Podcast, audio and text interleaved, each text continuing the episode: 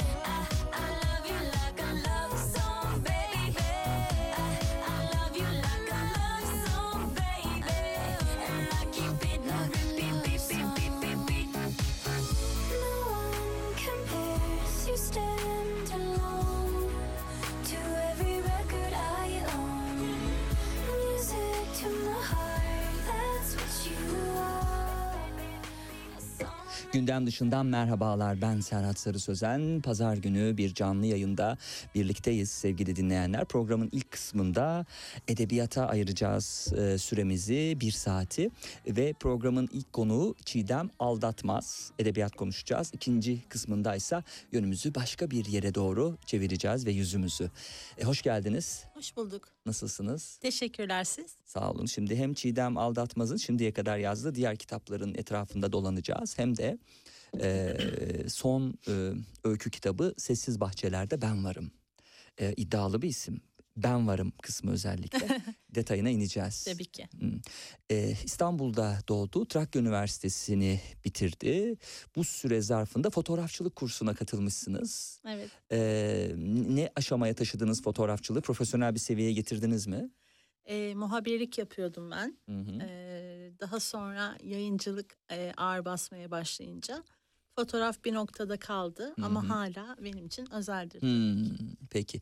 Ee, evet yayıncılığın tüm aşamalarında çalışmışsınız. Evet kesinlikle. Ee, tüm aşamaların altını şöyle çizebiliriz. Ee, hem editörlük hem yöneticilik hatta şu an e, yeni bir yayın eviyle birlikte Amorf Amorf kitap. kitap değil mi? Oradasınız. Ee, dosyalar inceliyorsunuz. Sadece dosya artık dosya oluşturmayacaksınız. Çünkü e, yayınlarınızı Amorf'tan çıkartacaksınız ama e, şimdiye kadar yaptığınız iş esasında kitabını yayınlatmak isteyen e, yazarların ister genç yazarlar olsun isterse daha önce kitabı yayınlanmış kişiler olsun e, dosyasını inceleyip yayınlanabilir yayınlanamaz e, kararı vermekti. Kesinlikle. E, artık o iş sürüyor mu? Onu başka yayın evlerinde Ee, yaptınız. Çalıştığım yayın evlerinde dosya onaylama ve yayın kuruluna iletme Hmm. sürecinde e, aktif olarak ben Hı vardım. hı. E, çeviri eserleri... Yayın kurulunda ben varım diyordunuz o zaman. yayın kurulunda ben. Sessiz yayın kurullarında ben varım. Kesinlikle. yayın kurullarımız pek sessiz olmasa da evet. Ee, orada e, dosyanın onaylanma ve baskı kararı alıp alınmama sürecinde aktif rol oynuyordum. Hı hı. Ee, şu an kendi yayın evimdeyim ve e, aynı zamanda e, yazmak isteyen, bir fikri olan, e, bir miktar yazmış ve bundan sonra ne yapacağını bilemeyen e, insanlara e, danışmanlık ya da Hmm. rehberlik diyelim. Hmm. Rehberlik daha doğru bir kavram. Hı. E, rehberlik ediyorum. Hı. Yani bunun adına derin editörlük deniyor, yazar koçluğu deniyor. Değişik değişik e, ifadeler olabilir ama e, özünde bu yazmak isteyen insanla birlikte bir yolu yürümek yani her aşamada. Peki çok dürüst olarak tanımlar mısınız kendiniz? Yani insan da kendini dürüst değilim diye tanımlamaz ama yayıncılık sektöründe yani politik misinizdir demek istiyorum. Söz gelimi o yazar hamuru yoksa ve hiçbir şekilde yazdıklarının e, yayınlanabilir bir tarafı e, hiç olmayacaksa da ona doğrudan bunu söyler misiniz? Yoksa hani şimdi olmadı daha sonra belki deyip böyle biraz e, motivasyonunu tutmak Aha. mı istersiniz? Yalan söyleyeyim biraz e, kırılgan bir süreç bu. Yazma yani yazmakta olan insanları da çok iyi anlıyorum hı. aslında. Yani çünkü ben de e, çok gençtim ve bu aşamalardan geçtim. Hmm. Dolayısıyla bir empatim var ama e, yayın, yani yazdığınız şeyin yayınlanmamasının pek çok sebebi olabilir. Hmm. Bunlardan biri de kötü yazıyor Hmm. olmanız olabilir. Hmm. Ama bu zamanla gelişemeyeceği anlamına da Hmm. gelmez eğer Hmm. yeteneğiniz varsa. E, dolayısıyla ben e, beğenmediğim dosyayı almıyorum ama e, çok da hani e, fazla da kırmamak lazım insanları. Belki e, devamında başka bir yola yürüyebilir yani. Hmm, Peki. Ee, şimdi yazarlığına baktığımız zaman e, birçok yayın evinde evet yayıncılığın çeşitli aşamalarında çalıştı Çiğdem Aldatmaz. Ee, yazıları Notos, Varlık, Can Öykü gazetesi, Özgür Edebiyat, Son İstasyon, Berfin Bahar, İzafi gibi çeşitli mecralarda yayınlanmış. Ee, Bunlarda yayı- e, asıl ilk kitabını çıkarmadan önce ya da çıkardıktan sonra bilemiyorum. Ee, e, yani hani bunlarla Her bir şekilde de yolu vardı, kesilmiş, her ikisi de evet. kesişmiş. Ama ilk kitabın e, çıkış anı aynada yeni bir kadın. Dı, Evet Dı, ve Yitik ülkeden çıkmıştı. Hı hı, Benim ilk kitabımdı. hı hı, hı hı. Ee, zaten Deniyor ki e, yansısını cesurca izleyenlerin hikayelerinin kesiştiği bir kitap ve e, kitaptaki öykülerin kahramanları e, sokakta da karşımıza çıkabilecek insanlar, e, canlı karakterler, gerçek karakterler E, ve e, hayattan cevaplar bekliyorsanız ya da yolculuklara çıkmaya niyetliyseniz e, Çiğdem Aldatmaz'ın kalemi aynada sır tutuyor olacak. Ne de olsa ayna aldığı en ufak darbeyi bile yansıtır diye özetlenmiş. evet e, bu bir ilk kitaptı. Hı hı. E, çok ifade ettiğiniz gibi hayattan e, ve birebir e, oradan ilham alınarak kurgulanmış romanlardı. Ben daha çok e, hayatın içinde sesi çıkmayan, sessiz kalmış Hı ama içinde çok şey olan insanların e, olağan akışların hikayelerini yazmayı seviyorum. Çünkü e, şöyle söyleyeyim bize e, kitap tavsiyesi için gelirler zaman zaman E, hani çok e, iyi bir okur değilse akıcı olsun. E, beni alsın sürüklesin falan gibi bir şey e, taleplerle geliyorlar. Ama aslında iyi bir metin olağan hikayelerden çıkar, hayatın içinden çıkar. E, hiç ummadığınız, e, sessizce yürüyüp geçtiğiniz insanların içinden çıkar. Dolayısıyla ben de öykülerimde daha çok e, bu e, içsel dünyaya eğilmeyi seviyorum. Hmm, harikulade. Şimdi e, ilk kitaptan sonra e, biyografiler geldi Evet. değil mi? E, inceleme yazıları, biyografiler. Hı hı. Bunlardan ilki e, 50 kelime. Yardımcı ailesinin Evet. e, Yassıada öyküsünü okuyucuyla buluşturdunuz. E, yani ilk soruyu e, sormuş olayım ama sonra kitapla ilgili bilgi vereyim. Bu ilk soruya cevapla başlarsanız çok sevinirim.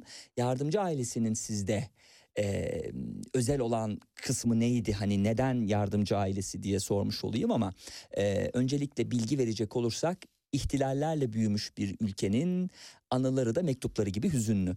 Ne anlıyoruz? Çiğdem Aldatmaz'ın bu eserini okuduğumuz zaman 50 kelimelik mektuplar varmış. Yani daha doğrusu bir sınır konuyormuş ve 50 kelimeyle Evet. sınırlıymış bu. Ee, Yassada da e, kalan e, mahkumlar e, ve o me- mektupların izini esasında e, sürdü Çiğdem Aldatmaz ve 50 kelime yardımcı ailesinin Yassada coşkusu e, çıkmış oldu. 27 Mayıs'ın e, aslında e, bilmediğimiz Yanları. bir e, yönüyle birlikte ve diğer yanlarıyla birlikte. Evet. Ee, bu kitap şöyle bir süreçti. Benim yakın tarihe e, zaten e, inanılmaz bir merakım var. Hmm. E, genel olarak tarihe de merakım var. Ama e, bu e, Celal Yardımcı ve ailesi e, Adnan Menderes zamanında çok işte e, onun kabinesinden gözde e, bakanlarından bir tanesi. E, partisi içinde çok fazla aktif rol almış ve Yassıada sürecinde beraber yaşamış biri. E tabii yani e, 27 Mayıs'a dair çok şey tabii ki yazıldı. E, çok anı belge biriktirildi. E, ama anılar da e, ortaya konulmayan, aa bu da varmış denilen detaylar ortaya çıkıyor. E, dolayısıyla aile anlattı, ben yazdım, e, belgeleri topladık, anıları topladık.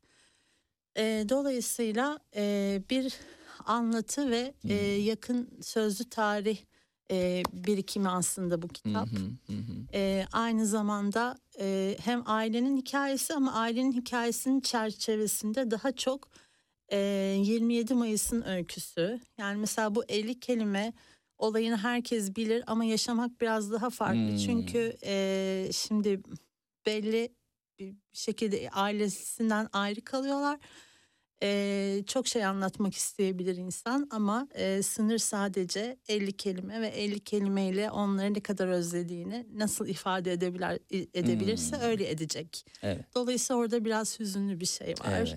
Yakın tarihin objektif bir şekilde e, tanıklığı var. Yazarken buna çok dikkat ettim tabii Evet. ki. Yardımcı ailesi Adnan Menderes'in kıdemli bakanlarından Celal Yardımcı ve eşi Harika Yardımcı'nın e, tabii hatıralarından Hatıraları, oluşuyor. E, ama e, o şey çok can alıcı bir şeymiş gerçekten yani sınır.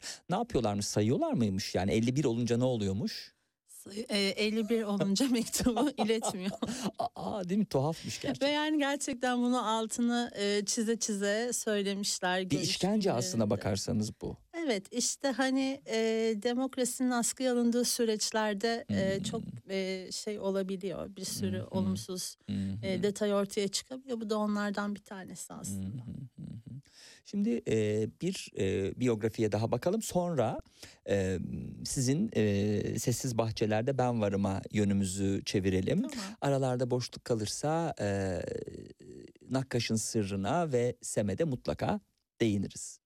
Şimdi e, Yusuf Atılgan e, tabii Anayurt Oteli ve Aylak Adam dediğimiz zaman e, hafızamızda önemli bir yere sahip olan e, bir edebiyatçı e, ve Ahmet Hamdi Tanpınar'ın da öğrencisi olduğunu öğrendim e, bu vesileyle. Evet. Siz e, bir rüyanın izinden Yusuf Atılgan'ı yazdınız. Kesinlikle.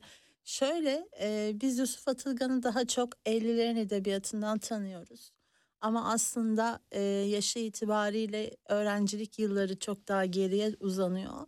E, ve öğrencilik yıllarında hocası Hı hı. e, ve büyük hayranlık besliyor. E, hani herkesin e, öğrencilik yıllarında her yazarı besleyen, ona yazma şevki aşılayan bir e, öğretmeni ola- olabilir. Bu Hı hı. Yusuf Atılgan için de o öyle ve e, gerçekten böyle bayağı bir bilgi belge taradım bu kitabı yazarken.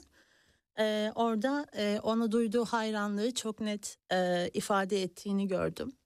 E, bu kitabın yazılmasındaki amaç birazcık e, çocuklara yazarları anlatmak, onların iç dünyalarını sevdirmekti. Çünkü yani çocuklar e, büyük edebiyatçıları sadece e, Wikipedia'dan ya da sıkıcı e, biyografi metinlerinden değil de Hı hı, e, kendi hikayelerinden, hayatlarından görerek, e, içinde kendi hikayesini oluşturarak öğrensin istedik. Dolayısıyla güzel bir projenin parçasıydı bu kitap. E, ben de e, bende özel bir yeri olduğu için Yusuf Atılgan'ı seçtim. Hmm, harika. Şimdi gelelim e, Çiğdem Aldatmaz'la da tanışmamıza vesile olan Sessiz Bahçelerde Ben Varım adlı son öykü kitabına ne zaman çıkmıştı? Ee, bu ikinci ayı Hı hı. daha yeni doğdu. Evet hayırlı olsun. Teşekkürler. güzel bir ömrü olsun çok baskılı. İnşallah.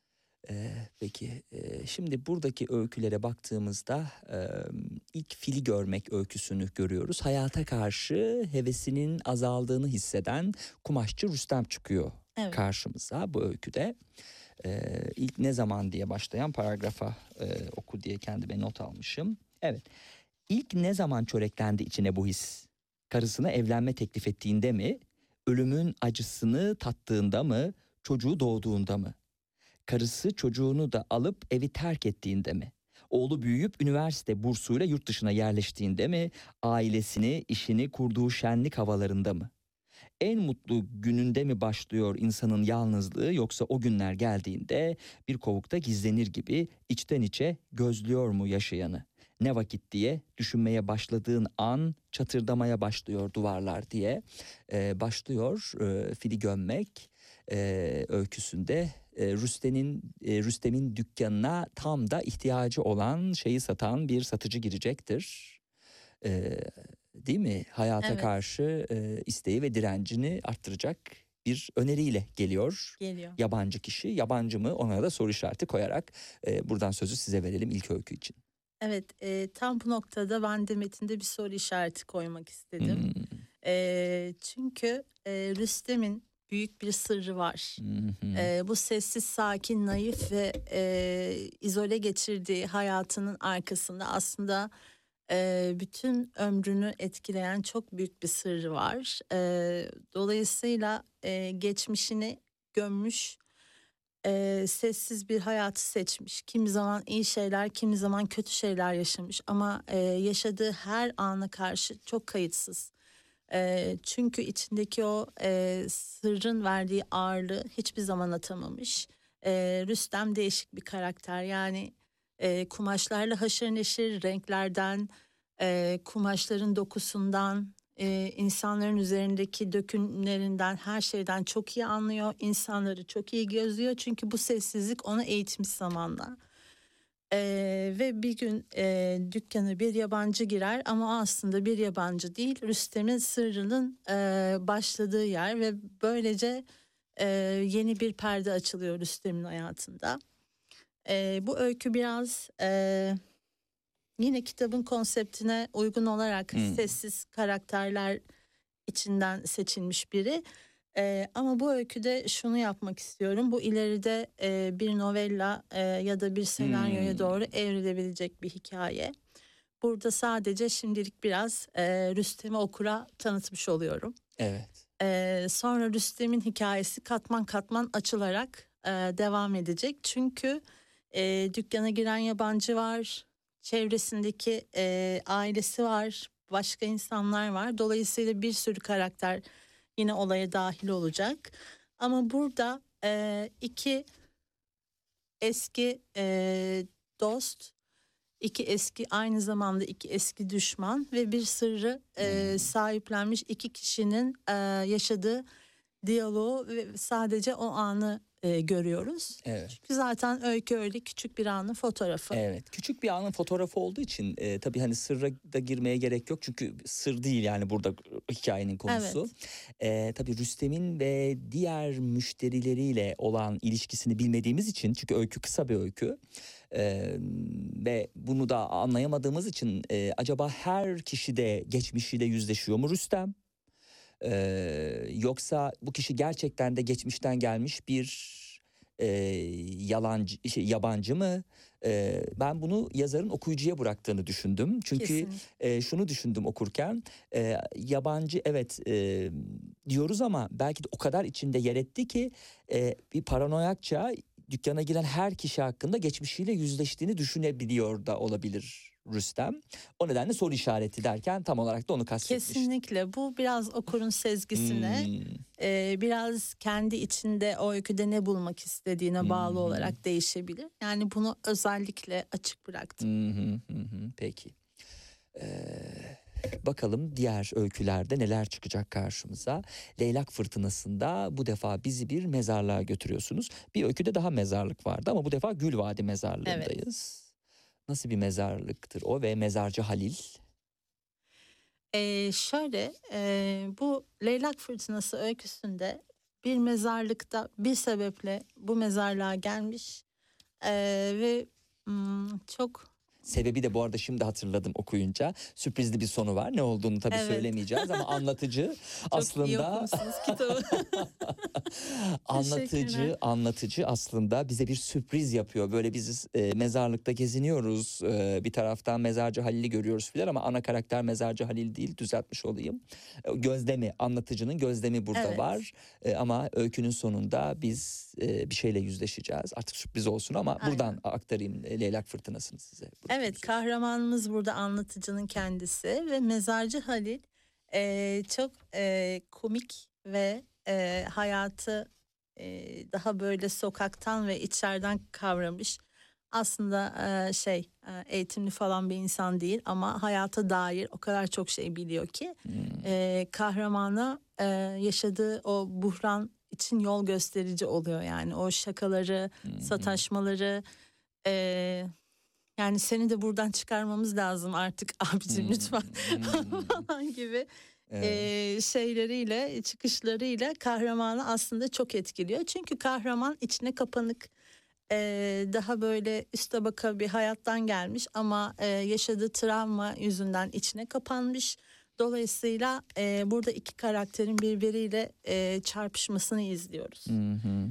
Ee, yani bir sebeple mezarlıktan çıkmak istemeyen bir adamın öyküsü bu aslında. Ee, ve e, mezarlıklar aslında bizim biz- sıkıcı, bize Hmm. ölümü hatırlatan kasvetli mekanlar olarak göz- Resmedil. resmedilir. Ama aslında e, mezarlık hayatı diye bir şey Evet. var. Yani orada insanlar e, normalde daha farklı davranırken mezarlığa girdiğinizde herkes birbirine karşı daha nazik. Hmm. Herkes birbirine karşı daha duyarlı. Ee, değişik bir paylaşım orada hı. var. Yani bir sürü ritüel var aslında e, hı. mezarlık içinde. E, çiçekleri özel, Hmm. e, orada yapılan e, diyaloglar özel. Biraz da aslında bunu vermek istedim. Hı. Yani e, hepimizin dönem dönem kayıpları olabilir.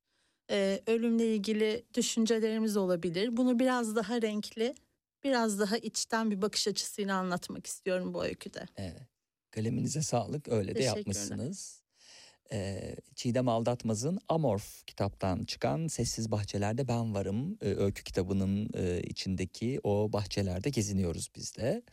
Ee, ve bir tuhaf yanık izinde e, öyküyü aslında öykü de değil tüm hayatı özetleyen cümle öykünün sonunda e, bize gelmişti. Ee, hemen onu bulabilirsem e, ölüm artık yıkamakla çıkmayacak bir leke gibi üzerimde. Şu eski mutfak masasından ne farkım var? Dünya cenaze evimizin 15 gün sonraki hali gibi bomboş. Oysa ne çok oyaladı bizi onca o zaman o kalabalığıyla. Neyi nereye sığdıracağımızı bilemedik diye bir özetle e, bu e, öyküde e, bizim karşımıza çıkıyor. Evet, burada babasını kaybeden bir kızın hikayesini okuyoruz. Hı hı. Ee, bu biraz daha derin, biraz daha hüzünlü bir hikaye. Hı hı. Çünkü e, kız babasıyla kurduğu ilişkiyi hayatta başka hiç kimseyle kuramamış, e, ölümü anlamlandıramamış, e, kavrayamamış aslında pek çoğumuz gibi. Dolayısıyla yine aslında şeye gelmek istiyorum. E, taziye ve işte ölüm evindeki Hmm. ritüellerin e, Hmm. bizi nasıl etkilediğini, oradaki Evet. küçük detayları da vermek istedim. E, babasına ait işte yanık izi olan bir masanın peşinde. Yani sanki onu bulunca biraz daha böyle e, babası hala onunla birlikte olacakmışçasına e, bir çaba içinde. Çünkü o masada adam yıllarca oturmuş. E, acı tatlı bir sürü şey yaşanmış. O yanık izinin babasından kalma bir hatırası var. Dolayısıyla o masayı elden çıkarılmış bir şekilde ama hala peşinde koşuyor. E, bir yandan da e, ölü evinde yaşanan o karmaşayı e, koşturmacayı, e, insanların işte yemek yiyerek e, tatlılar hani gelir ya böyle işte Hı cenaze evine hı. ikramlar Evet, yapılır evet, falan. tabii, tabii. Yani aslında çok büyük bir acıyı yaşıyorsunuz. Ee, yani nasıl yani şu anda yemek mi Hmm. yiyeceğiz gibi bir şaşkınlık oluyor. Ama aynı zamanda o paylaşım ee, sizin o andaki hı, o büyük buhranı biraz sakinleştirmenize yarıyor. hı. Ee, dolayısıyla değişik değişik detaylar var. Onlarla bezenmiş bir hikaye. Hı Ee, siz e, tabii hayatı da çok gözle, iyi gözlemlemiş bir e, kadınsınız e, Evet, ve yani yazarsınız. bütün Dolayısıyla bu hayatım böyle- gözlemler de öykülere aktarılmış oldu. Buyurun. Kesinlikle. Neredeyse bütün hayatımı böyle geçirdiğimi söyleyebilirim Hmm. yani. Evet.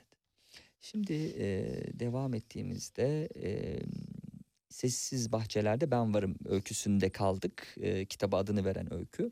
A- Ama ben öncelikle sizin e, yazdığınız diğer eserlerden şöyle birkaçına tekrar bakmak istiyorum. E, çünkü epey de birikmiş yani sizin e, yazım e, serüveniniz sonrasındaki o dışa vurumunuz.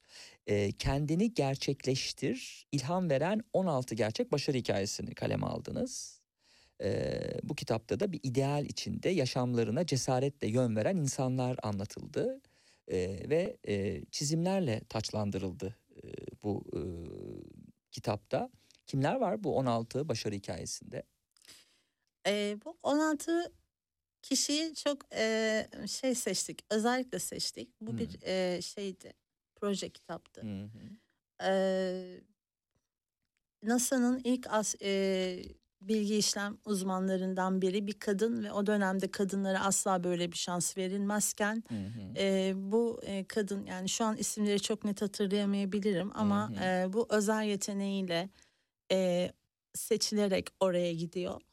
E, çünkü küçüklüğünden beri sayılarla arası çok iyi, e, dahi düzeyinde e, çok iyi rakamlarla arası ve diyor ki her şeyi saydım, sayılabilecek her şeyi saydım. Sonra e, oradaki e, NASA'da yavaş yavaş e, yetişiyor ve oradaki çok önemli e, beyinlerden biri oluyor. Bir hikaye böyle. Hı hı. Ee, bir hikaye iş dünyasından e, Honda'nın hikayesi, e, Virgin plaklarının sahibinin hikayesi var. E, onun dışında ilk kadın atletin hikayesini okuyoruz. Çünkü sen kadınsın koşma, koşamazsın, Hı, maratona katılamazsın hı, gibi bir baskı görüyor. hı. Ee, ve e, büyük bir inatla çalışıyor ve e, maratonu birincilikle göğüslüyor. Dolayısıyla bu hikayelerin hepsinde m, ortak e, şey amaç e, başarıya giden yolda vazgeçilmemesi gerektiğine dair e, bir şeyi Hı, motivasyonu Hmm, insanlara hı, verebilmek. hı. Ee, içinde köy öğretmenlerimiz de var çok değerli. Ee, çocukları uluslararası olimpiyatlarda e, temsil etmiş öğretmenler var. Ee, çok farklı birbirinden çok çok farklı farklı zamanlarda da yaşamış e, 16 başarılı insanın e, hikayesini anlatıyoruz. Burada başarılı kelimesinin altını biraz çizmek istiyorum. Çünkü başarılı deyince e, çağın bize getirdiği bir şey var yani işte çok para kazanan, Hmm. çok görünen, e, yıldız gibi parlamış falan filan. Ama e, aslında başarı benim için e, yoktan bir şeyi var edip iyi bir noktaya taşımış e, insanı anlatıyor. Dolayısıyla hikayeleri de böyle seçtim. Hmm. Biraz daha e, yakın bir bakış açısı yani. Evet. Ee, şimdi buna benzeyen yani oluşturuluş biçimine benzeyen ama konusu çok farklı olan ee, bu defa yine sizin e, gözleminizi ama hayatta olmayanlara ilişkin gerçi o da hayatta olmayanlara ilişkin bu defa yazarlara ilişkin gözlemleriniz. 40 e, yazardan 40 mektup adlı e, çalışma da çok ilginç. Özellikle detaylara bakınca e, mesela Mavi ve Siyah basılırken hangi yayıncılık skandalları yaşandı? Tevfik Fikret'in bilinmeyen duygu dünyasında neler vardı? Ömer Seyfettin edebiyattan neden nefret etmişti gibi ilk defa duyduğum e, ve çok da ilgi çeken e, bölümlerden oluşan e, 40 yazarla ilgili 40 e, mektup.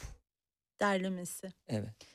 Evet, şimdi ben e, Amorf kitabı kurarken e, bir karar verdim ve dedim ki e, yayınladığım her kitabın içinde bir fikir olacak. Hmm. E, dolayısıyla e, şimdi yayıncılık sektöründe bu tür kitaplar çoktur. Yani hı. eski ya yazarların e, mektupları, hı.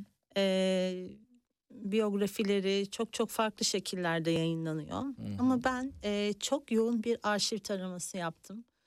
E, çok e, kütüphanelerden, sahaflardan, e, bendeki eski yayınlardan, e, Osmanlıca kaynaklardan e, süze süze süze süze e, bir yani hiç duymadığımız e, isimlerini çok duyduğumuz ama e, yaşamlarına dair hiç duymadığımız detayları olan yazarları bir araya getirmeye çalıştım.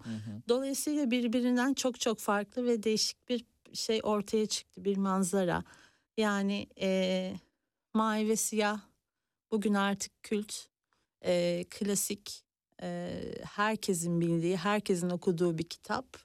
E, ama bakıyoruz işte yayınlama aşamasında çok büyük umutsuzluklar, e, maddi anlamda çok e, yapılmaması gereken şeyler, e, bazı yayıncılar tarafından e, gördüğü e, haksızlıklar ve baskılar var.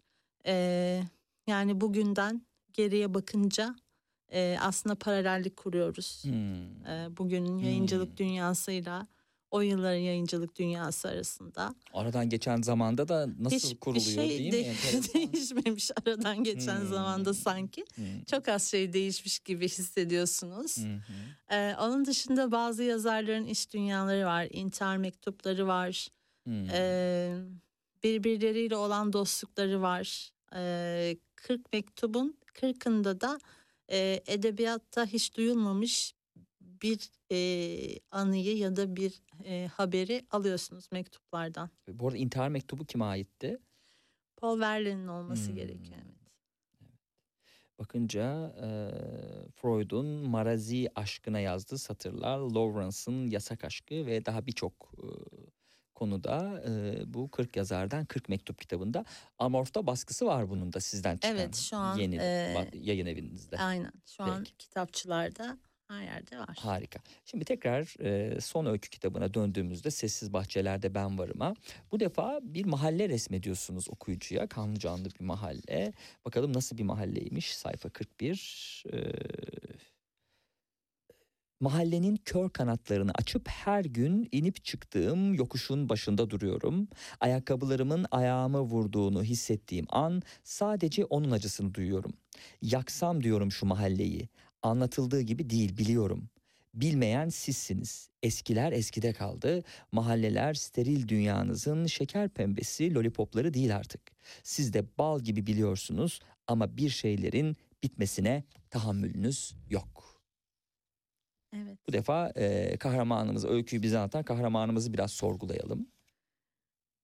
Ee, kahramanımız e, herhangi sıradan bir mahallede sıradan hayat yaşayan, Hı hı. e, yalnız bir hayat sürdür yani bundan sonra hayatını yalnız sürdürmek zorunda kalmış biri E, ve bir yaşama ve ayakta kalma çabası bu Hmm. aslında anlatılan. Hı hı.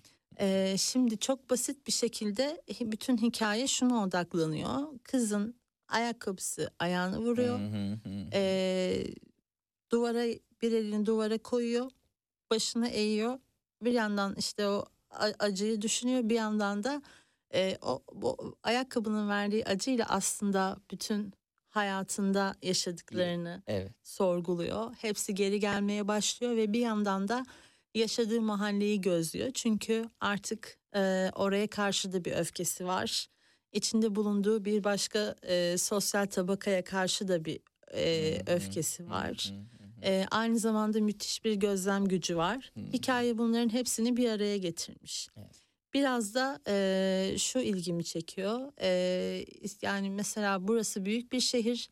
E, birbirinden farklı bir sürü e, semt var ve e, aslında hiçbirimiz diğer tarafta ne yaşandığından e, haberdar değiliz. Dolayısıyla ben biraz e, Çeper'le merkez arasındaki hayatların e, bir panoramasını almak istiyorum hı, yazdıklarımda. hı Bu çok ilgimi çekiyor. Hı hı.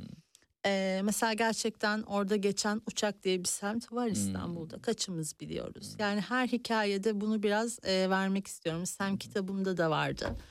Ee, Firuzköy aynı şekilde. Hmm, Biraz e, benim tabii e, her yerde birazcık yaşamış olmamla her tarafta birazcık anımın olmasıyla da alakalı. Evet, evet. Tabii Ee, o mekanlardan birikimleri de aktarıyorum. metinler mekanlardan soyutluyor tabii ifadeler ve Evet. anlatımlar son derece kuvvetli. Bu kez bahçe beni içine çekiyor. Hiç görmediğim, adını bilmediğim, rengini, suyunu, dokusunu bilmediğim bitkilere dokuna dokuna ilerliyorum. Bugüne kadar sevdiğim hiçbir şeye, kimseye böyle dokunmadım. Kulağıma isimler fısıldanıyor, rüzgar içime işliyor, üşümüyorum. Başıma gelen tüm kötülükleri silen bir güç var. Teslim oluyorum, hepsini geçmişime kaydedip devam edecek kuvvet derimin altından paramparça edercesine ilerliyor. Neden daha önce böyle sakinleşmedim diye merak da etmiyorum. E, asıl sakinlik o vakit geliyor. Gözümü açarsam bahçe yok olacak biliyorum. Olsun, oluyor. Ne zamandır içinde olduğum şey sessizlik değilmiş meğer. Sessizlik ruhunu kemiren, pençe elini çektiğinde yaşadığın hismiş diye sürdürecek. Evet. Metinlerden kastım da buydu sevgili dinleyenler. Yoksa e, burada e, hani yazar da hani ayağının e, vuran ayakkabısından dolayı rahatsız olan bir kadını değil, e, esasında metinlerle kendi iç dünyasını e, sizlere aktarmış oluyor güçlü kalemiyle. Teşekkürler. Şimdi mesafede yine bir şehirde mahallede değiliz. Bu defa bir liman şehrindeyiz değil mi? Ee, ama havada asıl bir aşk kokusu var. Tabii aşk olunca o aşkın platonik olması olmaması çok önemli değil. Kesinlikle. Değil mi? Kesinlikle önemli öyle. olan aşk. Kesinlikle. Önemli olan e, içimizdeki his. Hmm, Bize ne verdiği, ne aldığı. hı hı, hı hı.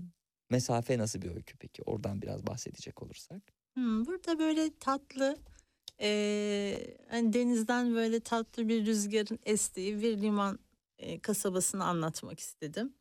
E, genel olarak denizde özel bir bağım vardır. Çok severim. Hmm. E, dolayısıyla o Nereden geliyor bu bağ? Ta- deniz tatilini sevdiğinizden mi? Çünkü İstanbul doğumlusunuz. Evet evet. Ya evet hani deniz her zaman beni daha çok sakinleştirir. daha çok rahat ederim içine çeker o yüzden. Evet. Ee, burada bir e, yasak aşkı yaşıyoruz. Ee, ve e, platonik ama çok kuvvetli. Ee, yani iki tarafında e, etkileşimde olduğu, iki tarafında birbirini çektiği bir ilişki biçimini e, anlatıyor e, hikaye ve hani son derece gerçek e, hayatın içinden bir tonda yazmaya çalıştım yine. Şimdi e, her şeyin bittiği bir günün akşamında ya bakınca ne zaman konuşmaya kalksak beni bir kuyudan çekip çıkarmaya çalışıyor. Anlayışlı, çaba gösteren bir tavırla o karanlığın üzerine kurduğum dünyanın temeliyle oynuyor. Sinirlerimi bozuyordu. Hiç söylemese, hiç anlatmasa, hiçbir şey için çaba göstermese diyordum e, diyecektir. E, burada da kahramanımız devamında da bazı günler kapıyı çekip çıksın istiyordum ama asla ona kapıyı işaret edecek kadar sabrımın taşmadığını üzülerek fark ediyordum. Belki onu yanımda görmeyeceğim bir sabaha da hazır değildim ve bunu itiraf etmek güç geliyordu. Biliyorum o da benden bir işaret, bir tenkit, fitili ateşleyecek bir hata bekliyordu ama o adımı asla atmıyordum. Birbirimizin sinirlerini bozuyorduk çünkü çünkü ilişkimiz bunu gerektiriyordu diye sürdürecek. E, ilişki e, gözlemi konusunda da değil mi birbirine tahammül eden insanların nasıl aynı evde yaşamayı başarabildikleri ve aynı hayatı yaşamayı başarabildikleri konusunda da güçlü tespitler. E, Ya evet çünkü zaten uzun ilişkinin esası Tahammül, herhalde e, tahammüle dayanıyor kesinlikle. Çok kuvvetli bir tahammül. Ve bu bazen işte hayatınızı değiştirmeye korkmak da olabilir. Hı hı. Ee, bazen e, bir vefa duygusuna e, sığınıp başka tutkuların peşinden koşmamak olabilir. E, dolayısıyla e, ilişkinin çok farklı biçimleri var. Uzun süren ilişkilerde insanların birbirini nasıl yıprattığı ama aynı zamanda da aynı kuvvetle birbirine bağlandığı gerçekten biraz şey içinden çıkılması zor bir problem gibi.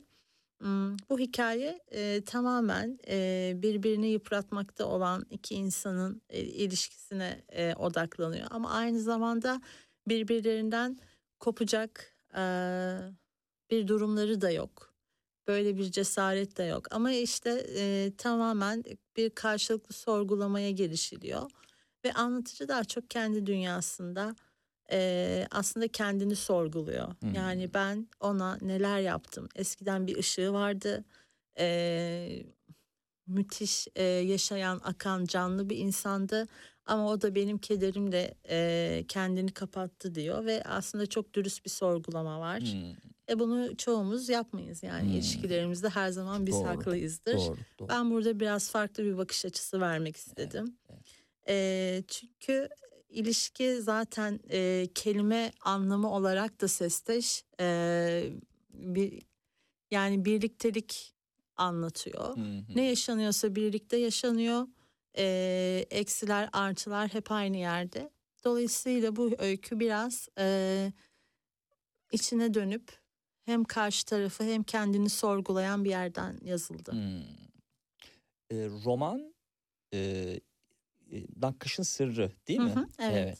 Şimdi emanet öyküsüne geçeceğim de e, orada tabii cenaze evindeyiz esasında ama e, ben Nakkaş'ın Sırrı'ndaki emanete e, bağlamak istiyorum. Hani bu öykünüzü pas Evet. geçerek cenaze evinden. Hı hı. E, çünkü mezarlık ve hani yine ölüm temasını da işlemiş olduk. Bu defa e, romana da fırsat kalmış olsun. E, kim var? İskender Gezgin var. İskender Tarihi bir- Gezgin. E, tarihi bir e, kendisine e, şey alıyor e, bir mecra buluyor. E, evet Gezgin hem İskender'in aşkını hem de Sultanahmet'in dillere destan elması incilerin yıldızını kendi emaneti saydı. E, lakin belki de bu yüzdendir. Her şey başından ayandır. Hiçbir şey kolay olmayacaktı. Sanat tarihi öğrencisi Aylin farkında olmadan kendi sırrını çözmeye çalışıyor. Fakat giderek sırlı bir tablonun içinde kayboluyordu. Birkaç adım arkasında yıllarca en çok kaçtığı şey aşk adım adım kendisine yaklaşıyordu. Kimse olacaklara kabil değilken sır ancak peşinde koşana kendini açacaktı. Çünkü Nakkaş'ın vaadi buydu diye kitap tanıtımından aktarmış olayım ve buradan sözü size bırakayım. Evet. E, Nakkaş'ın sırrı e, geçmişte bugünü birbirine bağlayan e, yani hem geçmişte hem bugün de paralel bir şekilde süren bir hikaye.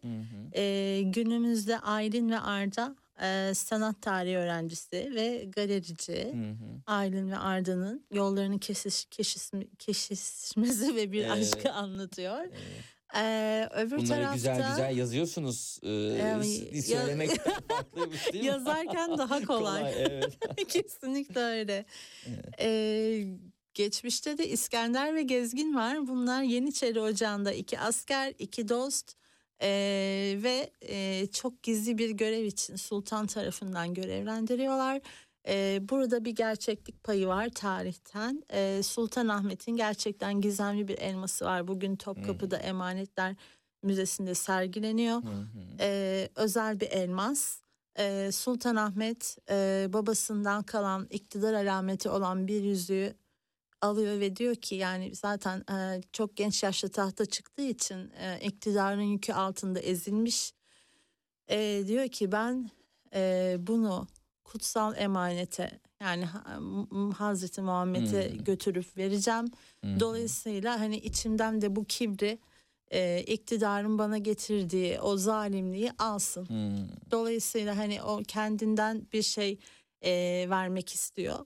Dolayısıyla İskender ve Gezgin çok güvendiği iki muhafızı onları görevlendiriyor ve e, Sürre alayıyla Elmas yola çıkıyor. Hı. Tabii burada çok e, şey var bol bol araştırma ve e, tarihi Hı. e, bilgiler var. E, yani hikayenin içine yedirilmiş bir şekilde tabii ki. E, Elmas yola çıkarken İskender ve Gezgin'in başından bir sürü şey geçiyor. Bir aşk var yine orada yaşanmış. Bu aşk aslında e, bugüne geldiğimizde Aylin'le Arda'nın e, yansıması. Onların geçmişteki yansıması gibi. Birbirine paralel giden iki hikaye var. E, hikayenin temaları da sanat, tarihi, gizemli tablolar, e, gizemli elmas, e, macera, e, ölümüne aşkı, ölümüne dostluk temaları üzerinden yürüyen Hmm.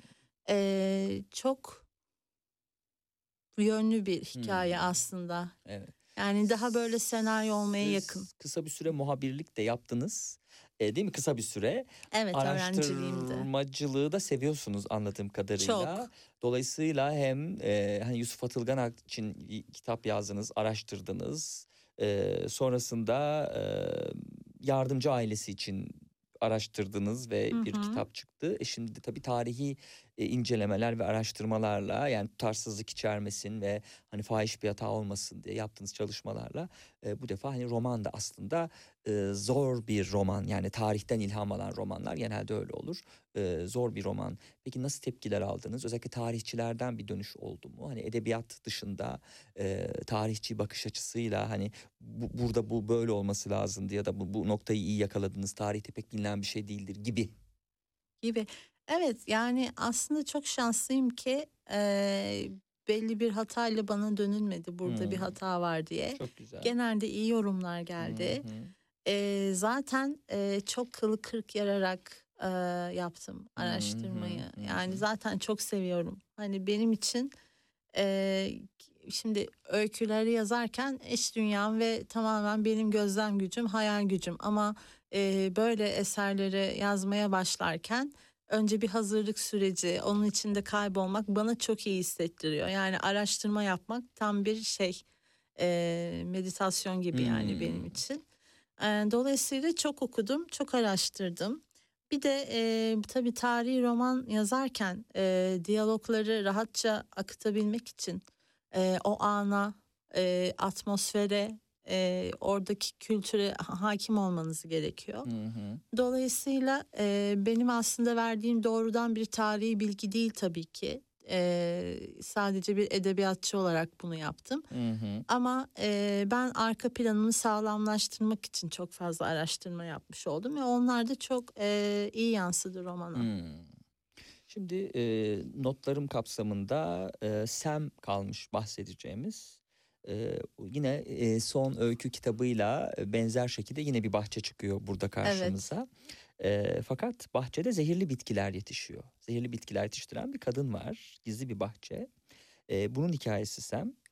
Değil mi? Evet, çok tutkulu, çok öfkeli, çok ihtiraslı bir kadın var orada. Çok yüksek perdeden eee, anlatıyor her şeyi ve tamamen intikama odaklı. Eee, çünkü çok fazla çevresindeki erkekler tarafından çok kötü şeyler yaşamış ve kendisine yaşatılan her şeyin intikamını almak istiyor.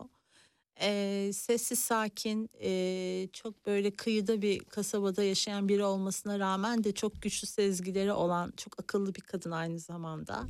Eee, bu kitaptaki karakterin adı Melahat. Eee Melahat eee, gerçekten ölümüne gidiyor ve eee, intikamını alırken çok sinsi çok kurnaz eee, kasabada kimsenin anlamayacağı bir şekilde kuruyor planını. Hmm.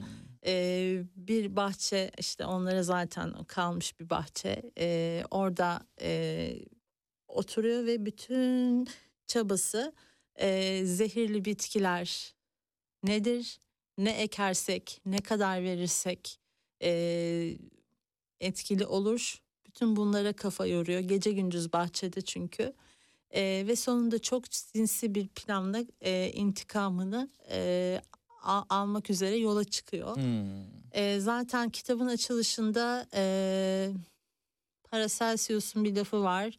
Yalnız miktar zehri belirler diye. Hı hı. Bu hem aslında e, fizyolojik olarak öyle hem de hayatın kendisinde de aslında öyle. Yani davranışlarımızın da zehirli olduğunu düşünürsek orada da miktar önemli. E, dolayısıyla buradan bir bağlantı kurulmuş. E, buradan yola çıkarak e, akan bir hikaye ama sadece kadın karakter yok. Orada iki erkeğin e, dünyası da dolayısıyla kötülerin dünyası da çok iyi anlatılıyor. Hı hı hı. Pekala. Şimdi e, bu arada bütün kitaplara değindik bence. Evet ne kadar detaylı. Ee, e, öykülerden de tabii e, e, sevgili dinleyenler Sessiz Bahçelerde Ben Varım da e, Emanet'te bir e, cenaze bu defa cenaze evindeyiz. Benim yalnız gezegenimde e, yazarın yabancılaşma temasıyla bize ilettiği metinler var. İpek yılında bizi Bursa'ya götürüyor. Ee, yine hani diğer öykülerde de e, metinleriyle Çiğdem Aldatmaz, e, Amorf'tan çıkan Sessiz Bahçelerde Ben Varım'ı e, çok kısa bir süre önce okuyucuyla buluşturdu. Artık diğer öyküleri de e, zahmet edip e, siz okuyun diye düşünüyorum artık yani. Hani bu kadar da amme hizmeti yeter. Evet. Çok anlattık.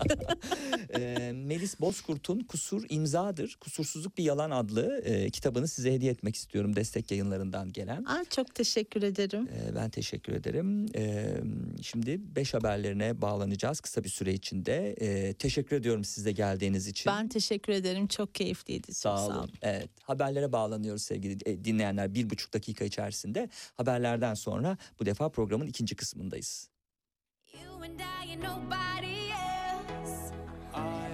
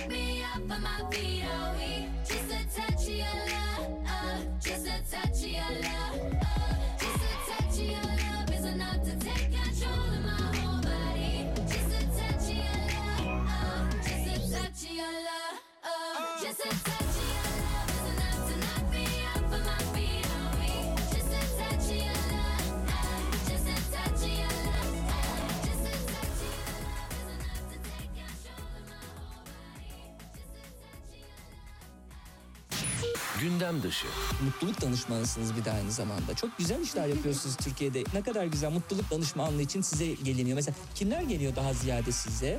Mutsuz çiftler mi geliyor yoksa e, yalnız kişiler mi geliyor? Belki 14 Şubat'a doğru e, ne olacak benim bu mutsuzluğumun hali falan diyenler mi geliyor? Kimdir genelde gelen hedef kitle? Ben kurumlara mutluluk danışmanlığı yapıyorum. E, kurumlar da önce az ücret verip insanlara mutsuz edip sonra da size mi danışıyorlar nasıl mutlu edeceğiz bunları diye. Gündem dışı.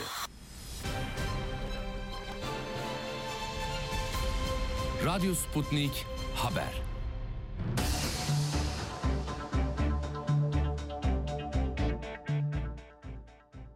Mutlu akşamlar. Haberleri aktarıyorum. Ben Selin Yazıcı. Ukrayna ile müzakereler yarın sürecek. Ukrayna ile gerçekleştirilen barış görüşmelerindeki Rusya delegasyonunun başında yer alan Devlet Başkan Yardımcısı Vladimir Medinski'den önemli açıklamalar geldi. Medinski, liderlerin görüşmesi için taslak barış anlaşmasının hazır olmadığını belirtti. Ukrayna ile görüşmelerin yarın süreceği bilgisini verdi. Medinski, Rusya'nın Kırım ve Donbas konusunda tutumunun değişmediğini de sözlerine ekledi.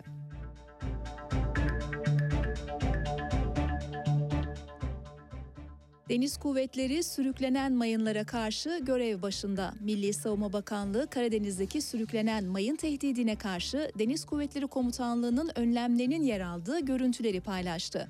Bakanlığın sosyal medya hesabındaki paylaşıma göre Batı Karadeniz'de deniz karakol uçağı, helikopter, İHA ile havadan gerçekleştirilen mayın gözetleme faaliyetlerine denizden de mayın avlama gemisi ve karakol gemileri destek sağlıyor. Öte yandan Deniz Kuvvetleri Komutanlığı tarafından Romanya ve Bulgaristan Deniz Kuvvetleri dahil ilgili tüm kurum ve kuruluşlarla da koordineli olarak gerekli tedbirler alınmaya devam ediliyor.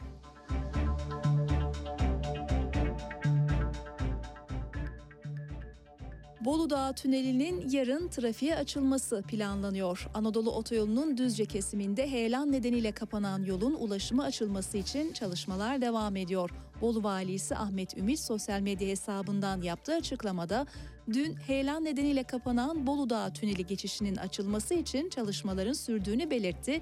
Bir aksilik olmaması halinde yolun yarın gün içinde trafiğe açılacağını duyurdu.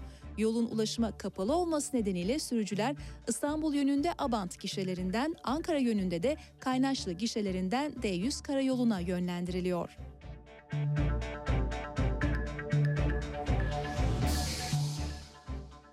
Meclis gündemiyle devam edelim. Türkiye Büyük Millet Meclisi bu hafta ekonomiyle ilgili düzenleme için mesai yapacak. Ekonomi teklifi bu hafta Meclis Genel Kurulu'nda olacak. Teklifle muhtar maaşları asgari ücret seviyesine çıkarılacak. Böylece 50 binden fazla muhtarın maaşında 780 lira artış yapılacak. Faizsiz konut şirketlerinin tasfiyesiyle oluşan mağduriyette giderilecek. Düzenleme ile o şirketlerde paraları bulunan yaklaşık 50 bin kişiye iki seçenek sunulacak. Alacaklılar isterlerse faaliyetine devam eden firmalara hakları korunarak geçebilecek, sistemde kalmak istemeyenlere ise TMSF tarafından paraları geri ödenecek. Teklifle vergi usul kanunundaki kaçakçılık suçuna etkin pişmanlık hükmü de eklenecek. Finans sektöründe kurumlar vergisi %25 olarak uygulanacak. Özel sağlık kuruluşunda hekimlik yapanlar serbest meslek kazancıyla vergilendirilecek. Mecliste bu hafta siyasi partilerin grup toplantıları da gerçekleştirilecek. Liderler grup kürsülerinde milletvekillerine hitap edecek.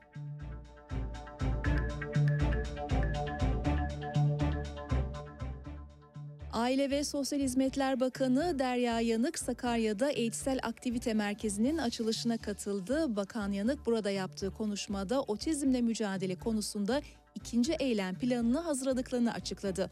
Otizmli bireyler ve ailelerin ihtiyaçlarına yönelik tedbirleri almaya devam edeceklerini belirten Yanık, otizmli bireyler için 81 ilde süpervizör eğitimlerine başlıyoruz dedi birinci otizm eylem planını bakanlığımızın öncülüğünde hayata geçirdik. Şimdi ikincisini çalışıyoruz. İnşallah çok kısa bir süre içerisinde onu da hayata geçirmiş olacağız. Otizm spektrum bozukluğu olan çocuklarımızın hayatını değiştirecek, onları geleceğe hazırlayacak olan yegane anahtarın erken tanı ve erken eğitim olduğunun farkındayız. Otizmli çocuklarımızın ve ailelerimizin ihtiyaçlarını gidermeye yönelik çalışmalarımızı geçtiğimiz yıl müjdesini verdiğimiz inşallah ikinci otizm eylem planında da sürdürmeye devam edeceğiz. Çocuklarımızın davranışlarını yönetmek, toplumsal yaşam becerileri kazandırmak ve ailelerinin eğitilmesine katkı verebilmek için 81 il müdürlüğümüz bünyesinde süpervizör eğitimlerine inşallah başlıyoruz.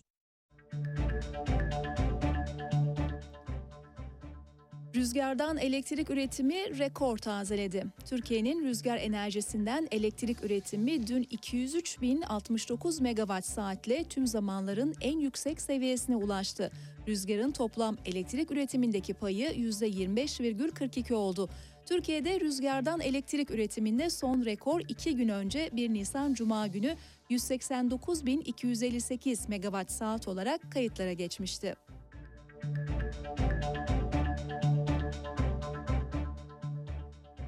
İstanbul'daki barajların doluluk oranı %89'a dayandı. İSKİ verilerine göre son dönemdeki yağmur ve kar yağışlarının ardından kente su sağlayan barajlardaki doluluk seviyeleri bugün itibarıyla %88,59 oldu. Söz konusu verilere göre bu yıl 3 Nisan'a kadar barajlara düşen yağış miktarı metrekareye 300,12 kilogram olarak ölçüldü. İstanbul'da günlük su tüketimi ise dün itibarıyla 2 milyon 995 bin metreküp oldu.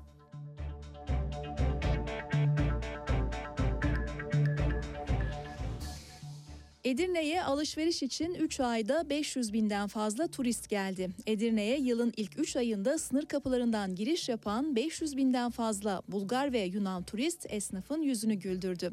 Nüfusundan fazla turist ağırlayan Edirne'de bu hafta sonu da turistlerin alışveriş izdihamı vardı. Edirne en çok turist ağırlayan iller arasında İstanbul'un ardından ikinciliğe yükseldi.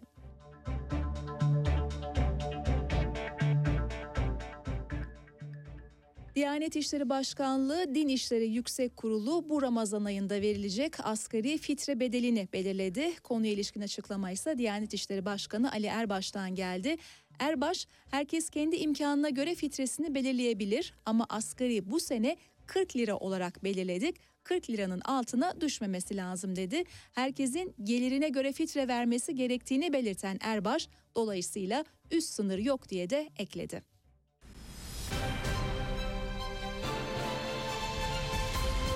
Radyo Sputnik Haber.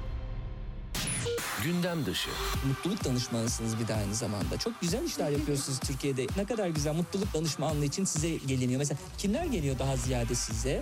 Mutsuz çiftler mi geliyor yoksa e, yalnız kişiler mi geliyor? Belki 14 Şubat'a doğru e, ne olacak benim bu mutsuzluğumun hali falan diyenler mi geliyor? Kimdir e, genelde gelen hedef kitle? Ben kurumlara mutluluk danışmanlığı yapıyorum. E, Kurumlarda kurumlar da önce az ücret verip insanlara mutsuz edip sonra da size mi danışıyorlar nasıl mutlu edeceğiz bunları diye. Gündem dışı. Solo solito en la habitación, busca que busca de mi calor. Wow. No, no. Quiere remedio para tu dolor. Nadie te lo hace mejor que yo. Wow.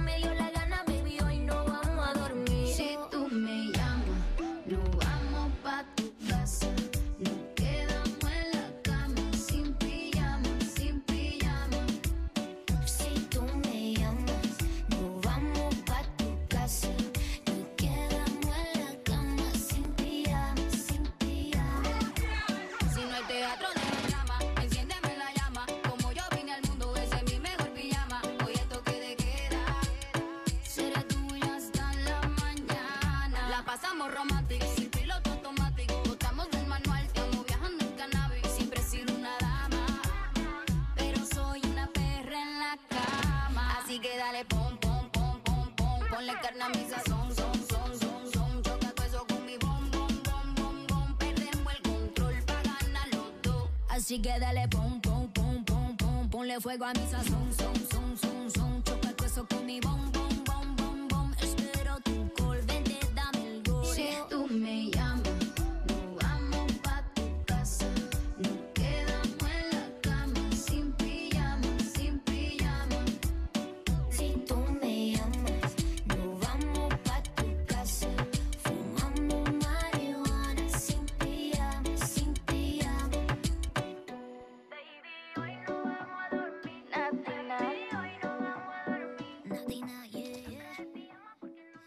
Programın ikinci yarısında birlikteyiz sevgili dinleyenler. E, bu defa e, e, edebiyattan yönümüzü başka bir alana e, dönüş e, çeviriyoruz. E, stüdyo konuğumuz Doktor Sevil Öz. Hoş geldiniz. Hoş bulduk. Nasılsınız değerli hocam? Çok hem iyiyim, Türkiye'ye hoş geldiniz hem Hoş de bulduk. stüdyoya yurt dışında yaşıyor e, Sevil Öz. E, şimdi e, Anti Kanser Yaşam ve Beslenme başlıklı kitabı e, yakın zamanda destek yayınlarından ulaştırıldı bize. E, sağlıklı olmak, sağlıklı bir bedene sahip olabilmek, sağlıklı bir dünyada yaşamaya, çevreye duyarlı ve toprakla dost olmaya bağlı aslında. Kitabı hani birkaç kelimede özetli, özetleyecek olursak doğru bir özetleme oldu mu kitabın misyonu çok için? doğru. Kitabı okuduğunuzu biliyorum. Onlara bir tekrar teşekkür ediyorum. Zevkle. Evet kesinlikle doğru. Ben kitabımın aslında kurgusu küresel ısınma ve hastalıklar üzerine. Hı hı. Yani sadece hastalıkları anlatmıyorum orada. Günümüzün en önemli konusu ve gelecek nesiller için büyük tehlike küresel ısınma merkezli bir kitap. Hı hı, hı. Ve e, özellikle e, eski bir hekim e, ve bir anne tecrübeli bir birey olarak Evet. e, mutlaka olayların nedenlerini bilmemiz gerektiğine inanırım. Eğitimlerimde hep böyle yaparım. Önce nedenleri anlatırım. Hmm. Sonra e, çözümlere geçerim. Çünkü nedenleri bilmeden çözmek mümkün değil. Kitabımda da aynı taktiği uyguladım. Elinize sağlık. Önce küresel ısınmaya nasıl geldik? Bizi na- nasıl bu hale getirdiler? Hmm. Çünkü biz gelmedik aslında. Hı. Bunları anlattım uzun Hı uzun. Sanayi e, devriminden, eski yeşil devrimden, hı kapitalizmden, sömürgecilikten, savaşlardan e, bütün bunları önce anlattım. Hatta 10 bin yıl öncelere gittim. Atalarımızdan bahsettim. Ondan sonra bugüne etap etap yıl yıl nasıl geldik? Nasıl yaban alanlarını tükettik? E, bunları anlattım. Sonra da nasıl iyileşeceğiz? Dünyamızla beraber nasıl iyileşeceğiz? Etap etap onlara geçtim. Çünkü beraber iyileşmemiz gerekiyor. Hmm. Yani şimdi bakıyoruz birçok yayınlara, programlara hep işte spor yap, şunu ye, bunu yeme, yat uyu, kalk, takla at, amuda kalk vesaire. Ama kimse şeyden bahsetmiyor. Bütün bunları yaparken biz tek başımıza değiliz. Hmm. Yani dünya ile olan ilişki, bütün bu yaptıklarımızın dünya ile bir ilişkide içinde olması gerekiyor. Gezegenimizi düşünmemiz gerekerek birlikte hareket etmemiz gerekiyor. Ee, ben böyle bir kitap yazdım. Şimdi Sevil Öz'den şöyle bir bahsedelim kısaca. Tabii e, muhtemelen şimdiye kadar iyileştirdiği binlerce hastası bize Sevil Hoca'yı anlatma biz zaten biliyoruz diyecekler ama tabii bunun da bir ulusal bir e, radyo kanalı olduğunu düşündüğümüzde ve kısaca bir e, giriş mahiyetinde bahsedelim isterseniz. Operatör doktor Sevil Öz e, İstanbul'da doğduktan sonra 1980 yılında İzmir Kız Lisesi 1986 yılında Cerrahpaşa Tıp Fakültesinden mezun oldu. 94 yılında da aynı fakültede genel cerrahi uzmanlığını aldı. Uzmanlık öncesi ve sonrasında çeşitli zamanlarda İngiltere, Almanya ve Amerika'da meme hastalıkları ve meme kanseri konularında çalıştı. 32 yıllık profesyonel yaşamını İstanbul'da meme cerrahi ve sağlık yöneticisi olarak sürdürdü. Çoğu kadın binlerce hastası oldu. Bu sayede toplum hayatının en ince ayrıntılarını da gözlemleyebildi ve bu saklı yaşamlar kendisini etkiledi. Zaten bir hekim olarak verdiği destekleri daha geniş kitlelere verebilmek, toplumun sağlığını geliştirebilmek ve toplumu kanser hastalığı konusunda bilinçlendirmek amacıyla Meme Kanseri Derneği ve bir de web sitesi kurdu. Televizyon programları yaptığı ve yurt çapında seminerler düzenledi. Meme sağlığı ve meme kanseri ile ilgili e, kitabı da var.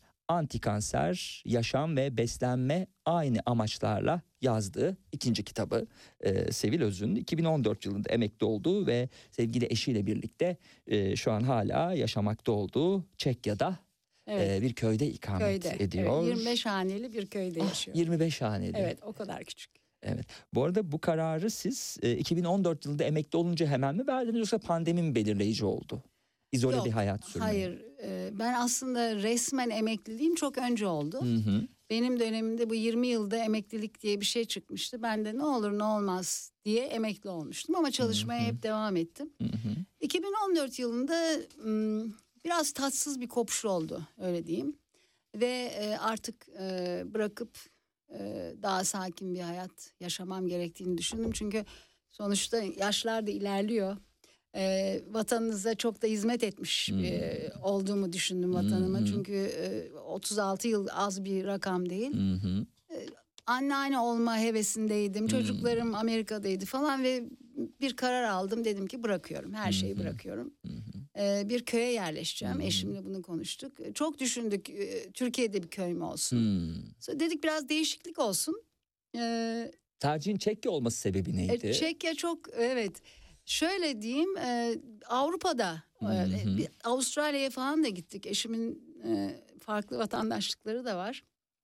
Fakat ben kendimi hep Avrupalı hissettim. Hmm. İstanbulluyum. Hı. O yüzden dedim Avrupa'ya yerleşelim. Çok e, gezdik yine Avrupa'da neresi. Her yer karışık. Hmm. E, Akdeniz hiç istemedim. Çok sıcak. Artık sıcağı Hı çok sevmiyorum. hı. E, Doza İtalya, Yunanistan, asla İspanya olduğu gibi elenmiş E, oldu. Yani oralarda olsa Evet. vatanımda dururdum. Evet. Ondan sonra bir gün Prag'a gittik bir gezide Hmm. ve tamam dedim işte burası. İşte burası. Evet. El değmemiş. Komünizmden yeni çıktığı için insanlar hala sakin, saf. Hı hı. Ee, ekonomik durum, e, paramız o zaman çok değerliydi orada. Ee, doğa çok güzeldi ve ben orada çok hoşuma giden antika eski bir Alman ilkokulu buldum bir köyde. Hı hı. Ve dedik hadi burası olsun. Hı. Özgür olunca Hı karar vermek kolay. Evet, Evet. evet. Nice sağlıklı yıllar geçirirsiniz inşallah, orada. İnşallah hep beraber. Ee, evet. kitabı yazmadan önce insanları, hayvanları, bitkileri, doğayı, dünyayı seven bir insandım.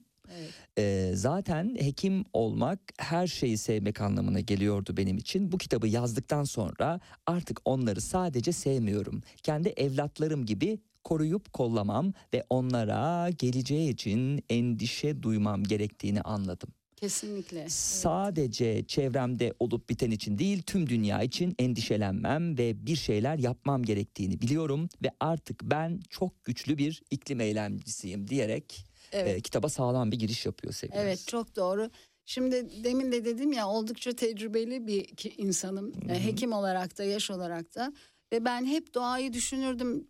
Kimse çöp ayrıştırmayı konuşmazken ben evimde çöplerimi ayrıştırırdım ve çocuklarımı o şekilde yetiştirdim vesaire.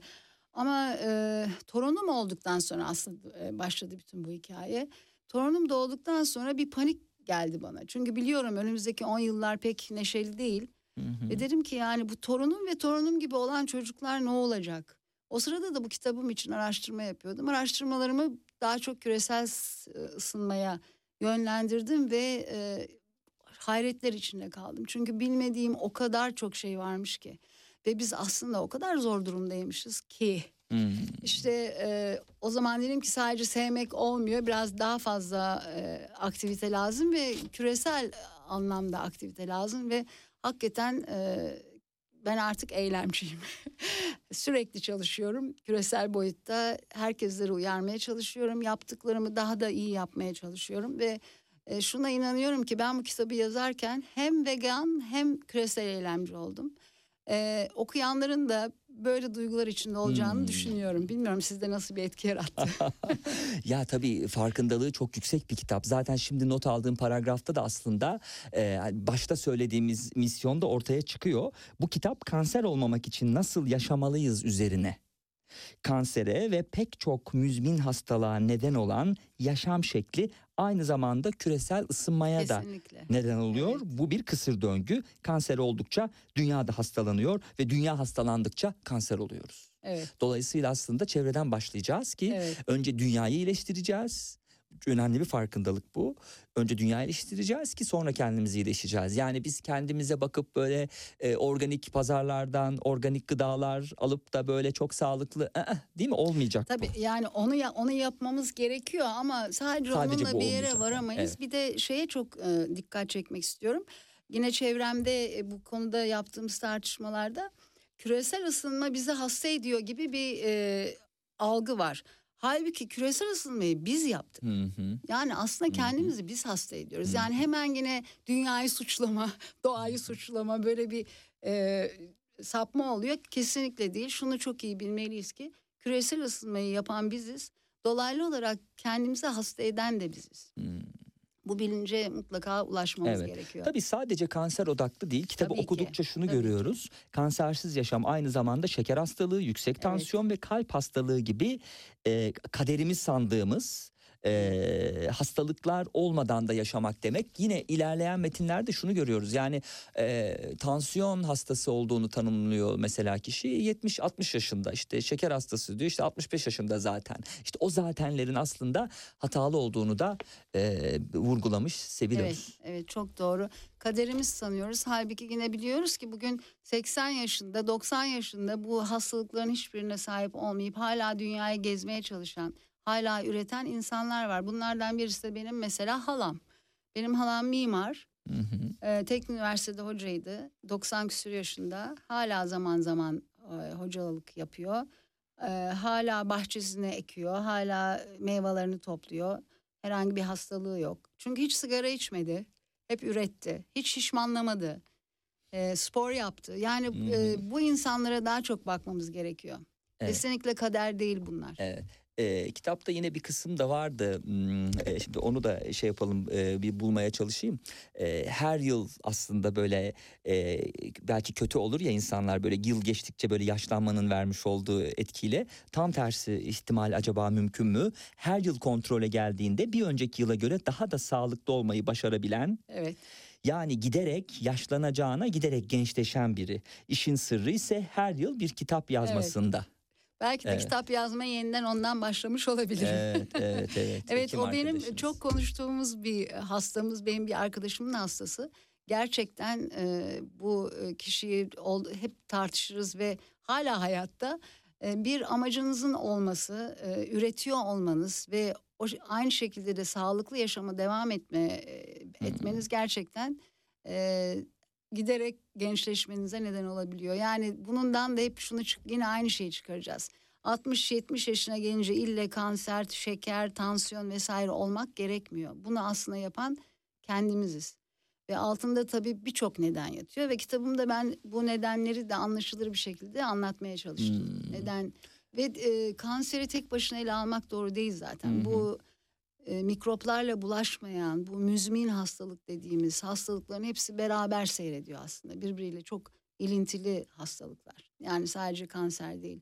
Yine e, kanserden çok korkuyoruz biliyorsunuz. Ay e, Hı hı, hatta öyle hı ki ee, çok da güldüm. Ee, bir arkadaşım çok aklı başında ona bu kitabı hediye ettim. Bana şey dedi, kitabımın başucu kitabı yaptım. Fakat Hmm. akşam uykum kaçtı. Ee, kanser falan hadi aldım onu salona indirdim. Sonra dedim ya sen deli misin ne yapıyorsun orada Evet. sadece adı bile yani onu Evet, huzursuz evet, etmiş. evet. Tekrar başucu yaptım. Yani e, dediğim gibi korkmaktan vazgeçmemiz Hmm. gerekiyor. Bilgilenmemiz gerekiyor. Bu kitabın Aksine tam tersi gece mesela aklımıza geldiğimiz zaman daha çok böyle bakıp e, oh be diyeceğimiz bir şey değil mi? Çözüm Aslında varmış evet, diyeceğimiz bir evet, şey. Tam tersi kesinlikle. gibi düşünmek Yani gerekiyor belki. bilgilenmemiz gerekiyor. Her konuda olduğu gibi sağlığımız için de küresel ısınma için de z- zaten her şeyin başı bilgi. Ee, dediğim gibi bu kitabın bir amacı da o. Genel olarak bu konularda farkındalık yaratmak, bilgilendirmek. Bildikçe korkularımızdan sıyrılabiliyoruz. Evet. Ee, Cehalet korkuyu getiriyor. Şimdi önemli bir e, öneriyle öneri ya birçok öneri var ama bunlardan e, ilk başta karşımıza çıkan hepimiz bizi hayatta tutacak, e, bizi harekete geçirecek uğraşılar edinmeliyiz diyor Doktor Sevil Öz. Evet. Bu uğraşılar biraz da zorlamalı bizi, kolay olmamalı, bizi araştırmaya teşvik etmeli, yani zahmet etmeli ve emek vermeliyiz. Zaten o zaman abur cubur yemeye, olumsuz düşünmeye ve çok sevdiğimiz, bunu ben ekledim, dedikoduya vaktimiz kalmaz. Eş, dost, akraba ile birlikte olduğunuzda konuşacak, paylaşacak olumlu konularımız olur. Onlara örnek oluruz, gençlere ve çocuklara da örnek oluruz diye sürdürecek. Evet, kesinlikle öyle. Evet. Ee, toplum olarak özellikle de son yıllardaki birçok nedenlerden dolayı bu tabii küresel e, boyuttaki e, olumsuzluklar da var. Çok olumsuz konuşuyoruz. Ben e, 6 yıldır e, yurt dışında yaşıyorum ama tabii ki vatanıma gidiyorum geliyorum. Fakat işte toplanıyoruz bir sofrada dönüp dolaşıp konular gene çok olumsuz yerlere Hmm. gidiyor. E, evet bazı şeylere engel olamıyoruz ama işte bu şekilde kendimizi geliştirerek elimizde ne bileyim resim yap, kitap oku, ne istiyorsun bir şeyler yap, üret. Ne olduğu çok önemli değil. Neyi seviyorsak üretmeye devam etmemiz gerekiyor. Çevreye faydalı olmak için çalışmaya devam etmemiz gerekiyor. O zaman hakikaten mevzularınız da çok farklı oluyor. Negatif konuşmuyorsunuz. Hep böyle olumlu, güzel ürettiğiniz konulardan konuşuyorsunuz. Kesinlikle öneriyorum. Herkesin bir e, ek uğraşısı olmalı, uğraşmalı.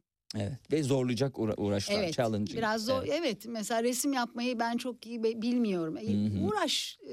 E, e, Bugün e, birçok sanatçı da aynı şeyi söylüyor. Sanatçı olmak için ille de deha olmak, çok yetenekli olmak gerekmiyor. Sanat öğrenilebilen bir şey. Ha yeteneği olan daha farklı şeyler ortaya çıkarabiliyor ama sonuçta herkes sanatçı olabilir ve belki de uğraşılması gereken en güzel alanlardan biri bu sanat. Belki de belki değil öyle dünyayı kurtaracak olan da sanat. Hmm. İnsanları buluşturan da sanat. Evet.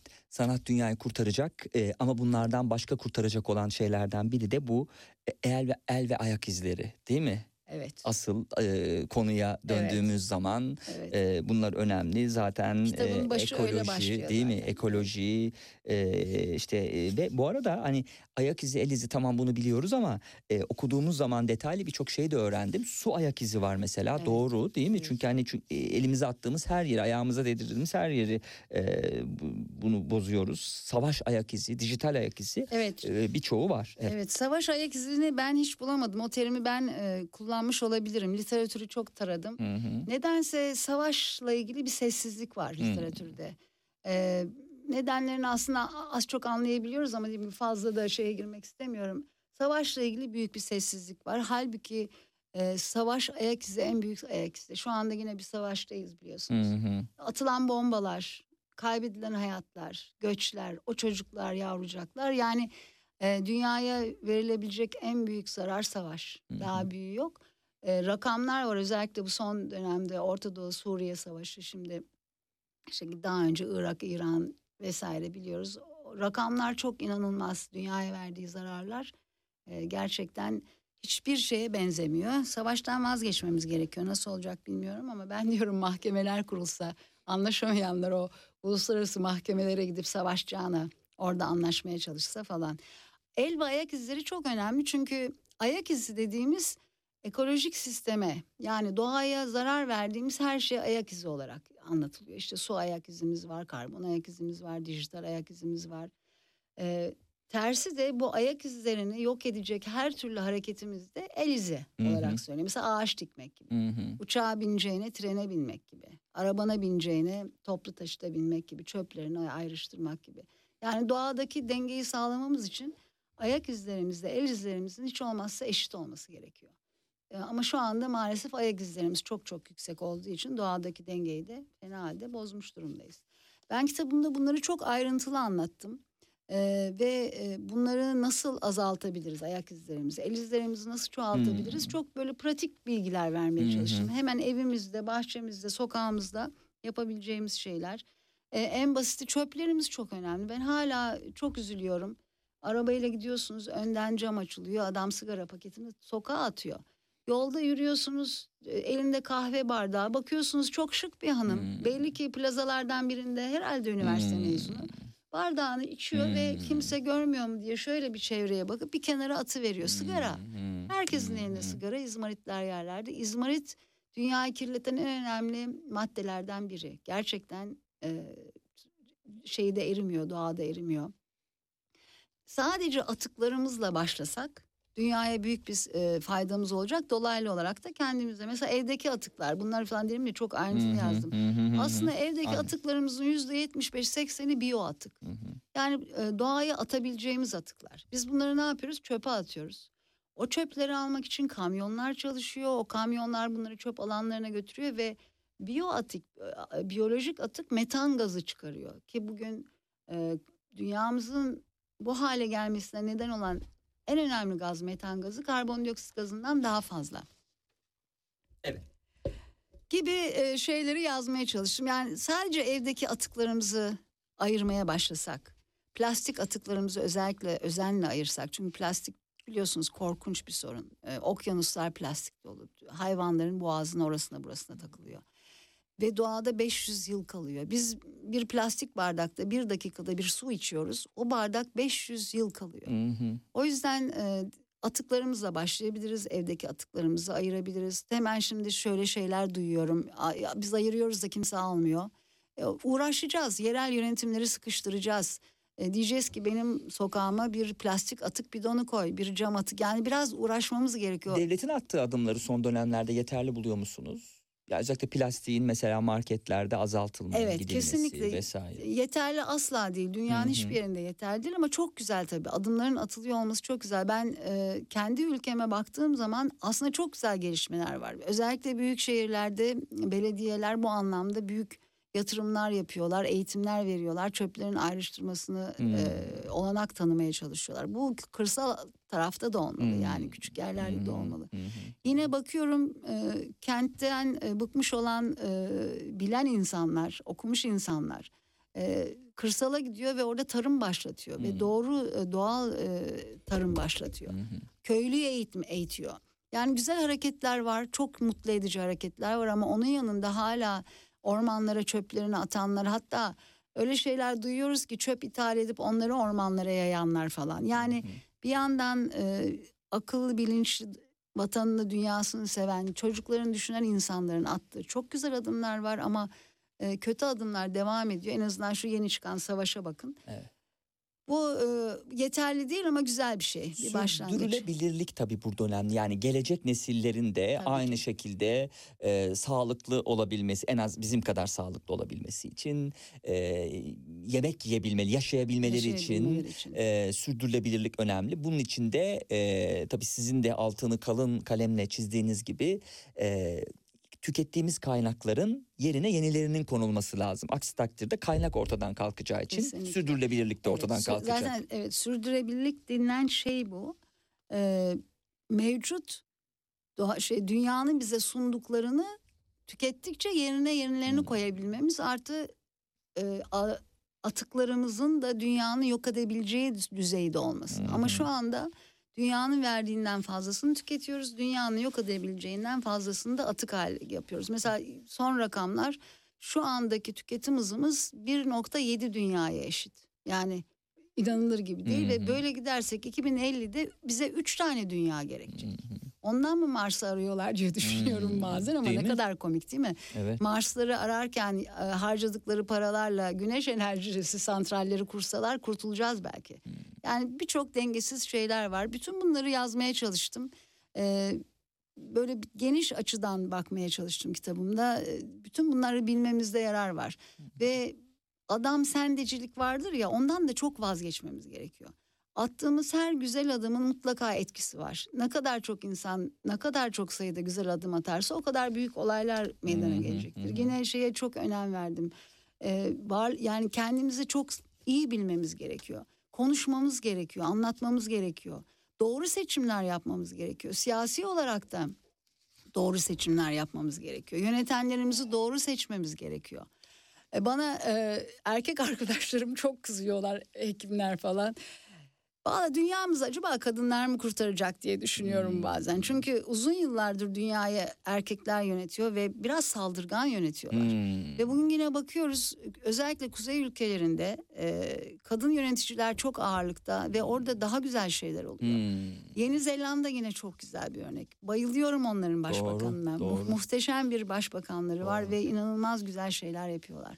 Yani kadınların daha fazla bu işlere girmesi ve bizlerin de daha çok fazla kadın seçmemiz gerekiyor diye Evet. düşünüyorum. Burada böyle bir cinsiyet ayrımcılığı yapmak istemiyorum ama kadın e, anne çünkü. Hmm. Kadının e, içinde var e, gelecek nesilleri korumak, onlar için çalışmak. E, sanıyorum bu bu içgüdüyü, bu buna bir saygı duyup biraz daha e, biraz daha değil çokça kadınlara başvurmamız gerekiyor diye Evet. düşünüyorum. Bunları da yazdım. Evet, yani doğru. seçimlerimiz çok çok önemli. Bizi yönetenler çok çok önemli. Çünkü e, şahıs e, olarak yaptığımız birçok iyilik var ama eğer e, yönetsel bazda bazı büyük adımlar atılamazsa bizim yaptıklarımız yine yetmiyor. Hmm. Yani bugün mesela fosil yatıklar, yakıtlar, petrol, benzin e, bunların daha az kullanılmasını ancak biz kullanmayarak biraz yardımcı olabiliriz ama esas büyük kararlar gerekiyor. Bunları da işte yönetenlerin yapması gerekiyor. Çok güzel araç. ya bir tıp hekiminden beklenenin ötesinde metinler var. Ama ben anneyim unutmayın. E, tabii. Yo, yo, mesela dünyamıza e, yani bize neler oldu kısmında e, yani sanayi devriminden giriyorsunuz. Hani Evet. onu kastetmiştim aslında. Araştırma gerektiren Çok araştırdım, e, çok kesinlikle. metin var. Evet. Sanayileşmenin ve yeşil devrimin başladığı yıllar dünyanın tüketmeye baş dünyayı tüketmeye başladığımız yıllar Evet, oldu. evet. Bu dönemlerdeki gelişmeler herkesi önce çok mutlu etti. İkinci Dünya Savaşı sonrasındaki gelişmeler daha da hızlandı ve yaşam çok kolaylaştı. Açlığa çareler bulundu. Modern yaşam başladı. Evlere çamaşır, bulaşık makineleri, kurutma makineleri, dikiş makineleri girdi. Giyimde moda ortaya çıktı. Arabalar üretildi ve kullanımı giderek yaygınlaştı. Bu dönemde bu modern yaşamın bize nelere mal olacağını kimse daha bilmiyordu. Evet. Aslında o dönem insanları oldukça masum. Hmm. Oh dediler dünya varmış ama işte Öngörülebilirlik peki? Beklenebilir miydi öngörülebilirlik? aslında Masum şöyle derken? öngörenler var. Kitabımda onları da yazdım. Özellikle yine burada çok fena cinsiyetçi söylemlerde bulunuyorum. İlk öngörenler hep kadın nedense. Hmm. Bununla ilgili bazı bilim kadınları kitaplarda yazmışlar. Ta 60'larda 50'lerde yazılmış ama hiç kimse... Kadın insanı doğuruyor. Fikir mi üretemeyecek, doğuramayacak yani. Çok haklısınız o Evet. yüzden bir kimsenin bir itirazı Ama kimse dinlememiş. Daha sonra e, bu yayınlar çok artmış. O kadar çok yayın var ki 60'lı 70'li yıllarda küresel ısınmaya doğru gittiğimiz, dünyanın sonuna doğru gittiğimiz ama e, biraz da işte bu para var ya para. Hani bu hı. kapitalist sistem. Üret kazan ama bu üret ve kazan nereye gidiyor? Kime yararı var? E, bunları düşünmeden e, üret sürekli üretmek, sürekli satmak, sürekli kazanmak, satamadığını da reklamla kandırıp satmaya devam etmek insanları inanılmaz bir tüketime sevk etmek. Bütün bunlar bize yapıldı. Bunları da yazdım nasıl yapıldı diye. Çünkü insanoğlu Doğru. e, psikolojisini doğru e, saptarsanız çok da kolay yönetilebiliyor. Kitleler yönetiliyor. Kitlesel hareketleri birkaç ufak hareketle kitleleri harekete geçiriyorsunuz. O yüzden gerçekten bugüne biz biraz da getirildik. Bu e, özellikle reklamlarla. O kadar çok e, reklam örneği verdim ki kitabımda. Hı hı. Şimdi e, aklıma en güzeli sigara geldi. 1950 yılında e, doktorlara sigara içirtip doktorlar işte şu marka sigarayı seçer gibi reklamlar yapmışlar. Düşünebiliyor musunuz?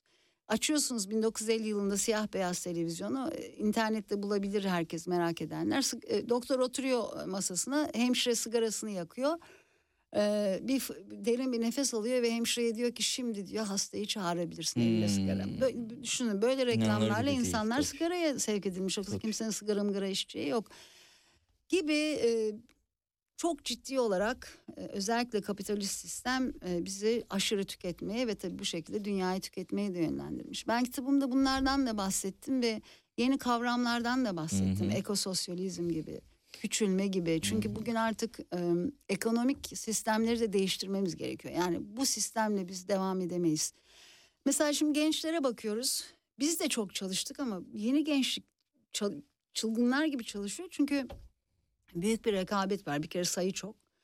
Aynı zamanda e, mesela gece ikilere kadar çalışıyorlar.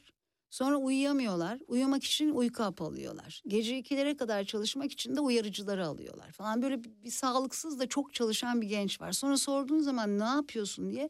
Şimdi diyor para biriktiriyorum. Kırkında emekli olacağım, yaşayacağım. Böyle bir tuhaf, inanılmaz değişik şeyler oluşmaya başladı. Halbuki bu yeni sistemler özellikle e, ekososyalizm gibi yani çevreyi de düşünerek, doğayı da düşünerek hep birlikte refahı hedefleyen sistemlerde çok çalışmak yok. Yeteri kadar çalışmak var ve kalan zamanda da mutlu yaşamak var. hı, hı hı. Ee, yani bütün bunlara açık olmamız gerekiyor ve bunları okuyup anlamamız, hep değişmemiz ve bu değişikliği de siyasilerden istememiz gerekiyor. Evet. Şimdi anti kanser ama tabii her şey birbirini tetikliyor başta konuştuğumuz gibi. Neler başımıza gelecek? Önce bir onları görelim kötü tabloyu. Sonra e, ne olması gerektiğine ilişkin madde madde açıkladığınız sayfalar var. Bir onlara bir göz atalım isterseniz. Örneğin 2030 yılında Amazon ormanları artık yağmur üretemeyecek. Ya ne Diyor. fena düşünebiliyor Evet. musunuz? azalacak. Nemin azalmasıyla birlikte bu alan kuru bir ovaya dönüşecek. Böyle ba- başka detaylar da var atlıyorum. 2040 yılında kuzeyde erimeye başlayan topraklar Karbon topraklar eriyecek düşünebiliyor musunuz? Evet, Buzlar tabii. bitti, tabii tabii topraklar eriyecek. karbondan çok daha fazla sera etkisi yaratan metan gazı açığa çıkarmaya başlayacak. Zannediyorsunuz ki siz e, orada buzullar erisin buraya mı gelecek Türkiye'ye mi gelecek sanki o sular eriyecek de daha güzel su bereketi olur filan diye belki düşünüyorsunuz ama e, metan gazı zarar, e, zehirli gazların ortaya çıkması Ve o buzların olmaması tabii ısınmanın en önemli nedenlerinden. mevsim değişikliklerini hızlandıracak. 2050 yılında okyanuslar ısınmaya devam edecek. Ee, asiditeleri artacak ve tüm mercanlar ölecek. Maalesef. Evet. Zaten bayağı bir öldü mercanlar. Daha Evet. da şey bu okyanusların ısınması çok önemli çünkü doğamızı soğutan önemli bir şey okyanuslar. Ee, Evet. Önemli bir kitlesel oluşum okyanuslar. Evet. Tabii onlar e, ısınmaya devam edecek soğutmaya çalışarak dünyamızı. E, ne olacak mercanlar ölecek diyorsunuz belki biraz kalın kafalılık yaparak sevgili kimi dinleyenler ama mercanlar ölünce balıklar da Evet. ölecekler. Çünkü onların yuvaları mercanlar. Evet öyle. 2080 yılına geldiğimiz zaman toprakların verimliliğinin tamamen yok olmasıyla küresel boyutta besin üretimi büyük bir krize girecek. Yani şu anki yaşadığınız kriz hiçbir şey olacak onun yanında. Ee, global bir krizden bahsediyor Doktor Sevil Öz. Polenleri yayan böcek grupları yok olacak. Bunun sonucunda da kalan birkaç bitki türü de ortadan kalkmış olacak. Hava durumu giderek daha tahmin edilemez bir noktaya ulaşacak. 2100 yılına geldiğinizde ise geldiğimizde ise Gelebilirsek tabii. evet. Dünyamız 4 derece daha ısınmış olacak. Büyük bir kısmı artık yaşanmaz bir hale gelmiş olacak bununla birlikte. Peki bu Altıncı olumsuz yok tablo. oluş. Hı hı. Altıncı yok oluşa Ha, doğru gidiyoruz. Kitapta o da ondan da bahsetmiş. Yüzde yetmiş beşi mi demiştiniz canlıların Evet, yok oldu beş diye. kere Öyle yok mi olmuş. hatırlıyorum? Evet, Hı hı. beş kere yok olmuş dünya Hı ve canlıların da yüzde yetmiş beşi yok olmuş. Hani bu Nuh'un gemisi falan var Hı hı. ya onlar hani ateş olmayan yerden duman çıkmaz. Hı. Öyle şeyler olmuş olabilir. Hı. Bunlar anlatıla anlatıla gelmiş olabilir. Hı, Gerçekten hı. yok oluşlar var ve Ama ilk defa insanoğlu yok oluşa neden oluyor. Bundan önce doğal olaylar işte volkan patlamaları ya Meteor da falan. şey evet e, yıldız çarpması falan gibi şeyler yok olmaya neden olmuş. İlk defa biz e, bunu Becereceğiz. becereceğiz. Peki Evet. o kadar da karamsar değil ama yine de Hayır, Doktor Sevil Öz değilim. değil. Yapılması gerekenler yapılırsa atılması gereken adımlar. e, 80 yılda mis gibi dünyamız ah, olacak. 80 yıl değil mi? 80 yılda yok ettik. 80 yılda yine eski hale gelebiliriz. Bir, nüfus artışları durdurulmalı. Evet lütfen doğurmayalım. Gerçekten yani şöyle Çin'i destekliyor musunuz? Orada e, çocuk sınırlaması vardı. Böyle duygusal yaklaşılıyor. Böyle biraz dramatik olarak. Yani işte bu haksız olacak bilmem. ne. Ama ne diyorsunuz mesela? Burada Şimdi sınırlama şöyle, mı gelmeli? tabii Çünkü bireyler bunu e, inisiyatif alıp da yapamazlar diye düşünüyorum. şöyle söyleyeyim e, bana yine çok kızacaklar ama bir gerçeği kabul etmemiz gerekiyor. Artık işte alışacağız, yapacağız yavaş yavaş bunları geçtik. Çünkü yavaşımız yok. Bakın Hmm. 80 yılımız var. Yani 80 yıl çok bir, bir insan hı. ömrü. Hatta hı. değil bile. O yüzden e, sınırlamalar e, dediğim gibi buradan elektrikleri çekmek istemiyorum ama sınırlamalar olmalı diye düşünüyorum. Çünkü şimdi bugün bakıyorsunuz e, 10 tane, 5 tane, 4 tane hatta gelişmiş e, ülkelerde bakıyorsunuz. Benim ailemde bile var 4 çocuk doğuran falan. Yani inanılır gibi değil, anlaşılır gibi değil. Tamam senin paran olabilir, dört çocuğa bakabilirsin falan ama da yani e, biz şu anda bütün dünyayı düşünmek zorundayız. O yüzden gerçekten e, doğurmamamız gerekiyor. E, ben diyorum ki bir çocuk yeter. Benim mesela iki kızım var. Büyük kızım e, işte torunumla başladı ya her şey. Hmm. Sonra o tarihleri okudunuz ya mesela e, 2040-2050 yıllarında benim torunum genç delikanlı. Ama dünyaya bakın. Ee, ben kızıma diyorum başka doğru mu onda niyeti yok. Hatta küçük kızım Ecem. E, Ecem'in de burada çok sevgilisi var Ecem, Ecem Laut'un belki biliyorsunuz. E, o diyor ki anne çocuklara bayılıyorum ama belki de hiç doğurmayıp evlat edineceğiz biz diyor. Hmm. Çünkü do- hani hı. ortalıkta da bir sürü Desteklersiniz evet, bunu, hani evet. her şeyi desteklerim kesinlikle. Hı hı, hı. Gerçekten e, yine büyük bir çalışma var kitabımda yazdım. E, şu anda e, çocuk sahibi olan ve olmak isteyenler planladıklarından bir çocuk eksik doğursalar bile o kadar büyük bir e, şey atlıyoruz ki Hmm, derece atlıyoruz hı ki. O yüzden çocuk üremememiz gerekiyor gerçekten. Hı, hı hı. Bu hem eğitimi daha da ağırlıklı bir hale getirmemiz gerekiyor hem de belki de kısıtlamalar koymak gerekiyor.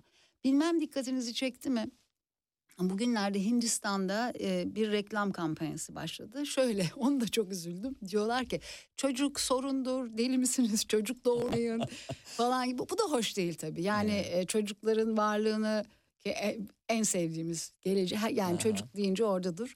Çocukların varlığını karalayarak da yapılacak bir şey değil ama Hmm. Hindistan şimdi bunu yapıyor. Ha. Bir ara bakın çok komik neler Evet, yazıyorlar ki. Evet, Evet, çocuk, işte çocuğun varsa lazım. sınavaya gidemezsin, çocuğun varsa şunu yapamazsın, çocuk şöyledir falan diye bu da hoş değil ama mutlaka arasını bulup e, tabii eğitim öncelikli ama belki biraz da sınırlamalar koyarak üremememiz gerekiyor. Hmm. Yani tabii e, burada mesela e, kimi siyasi söylemlerde de bakıldığı zaman hani şu kadar çocuk yapın talimatını da insanlar emir telakki edip Tabii ki. e, bunu E, bir yapmaları da size şu kadar çocuk yapın durum. diyor. Evet. Evet. değil mi? O da tuhaf bir durum. Yani burada bir de e, tabii insana ne kadar değer verildiği de önemli. İnsanları böyle bir e, böyle çok fazla insan kaynağımız olsun. e, çok rahat vazgeçebileceğimiz yığınlar olarak görelim. O yığınlar arasından birkaç tanesi işimize yarar. O işte iş sahibi olur ya da iyi eğitim sahibi olur. Diğerlerinin de canı cehenneme demek de çok e, e, kabul edilebilir bir şey değil bakıldığında. Savaşların yani insan kabul- kaynağı evet. gücü diye görmemek Hayır, lazım belki bu kesinlikle, kadar. Evet. Kesinlikle o kadar güzel söylediniz ki ben buna benzer şeyleri de yazdım. Yani Hı hı, insan e, hı. ağlamak istiyor o kadar. hı. Neyse evet. Evet. Yani üremememiz Evet, gerekiyor. ilki bu. İlk talimat. Evet. Sevil Öz'ün 10 emri.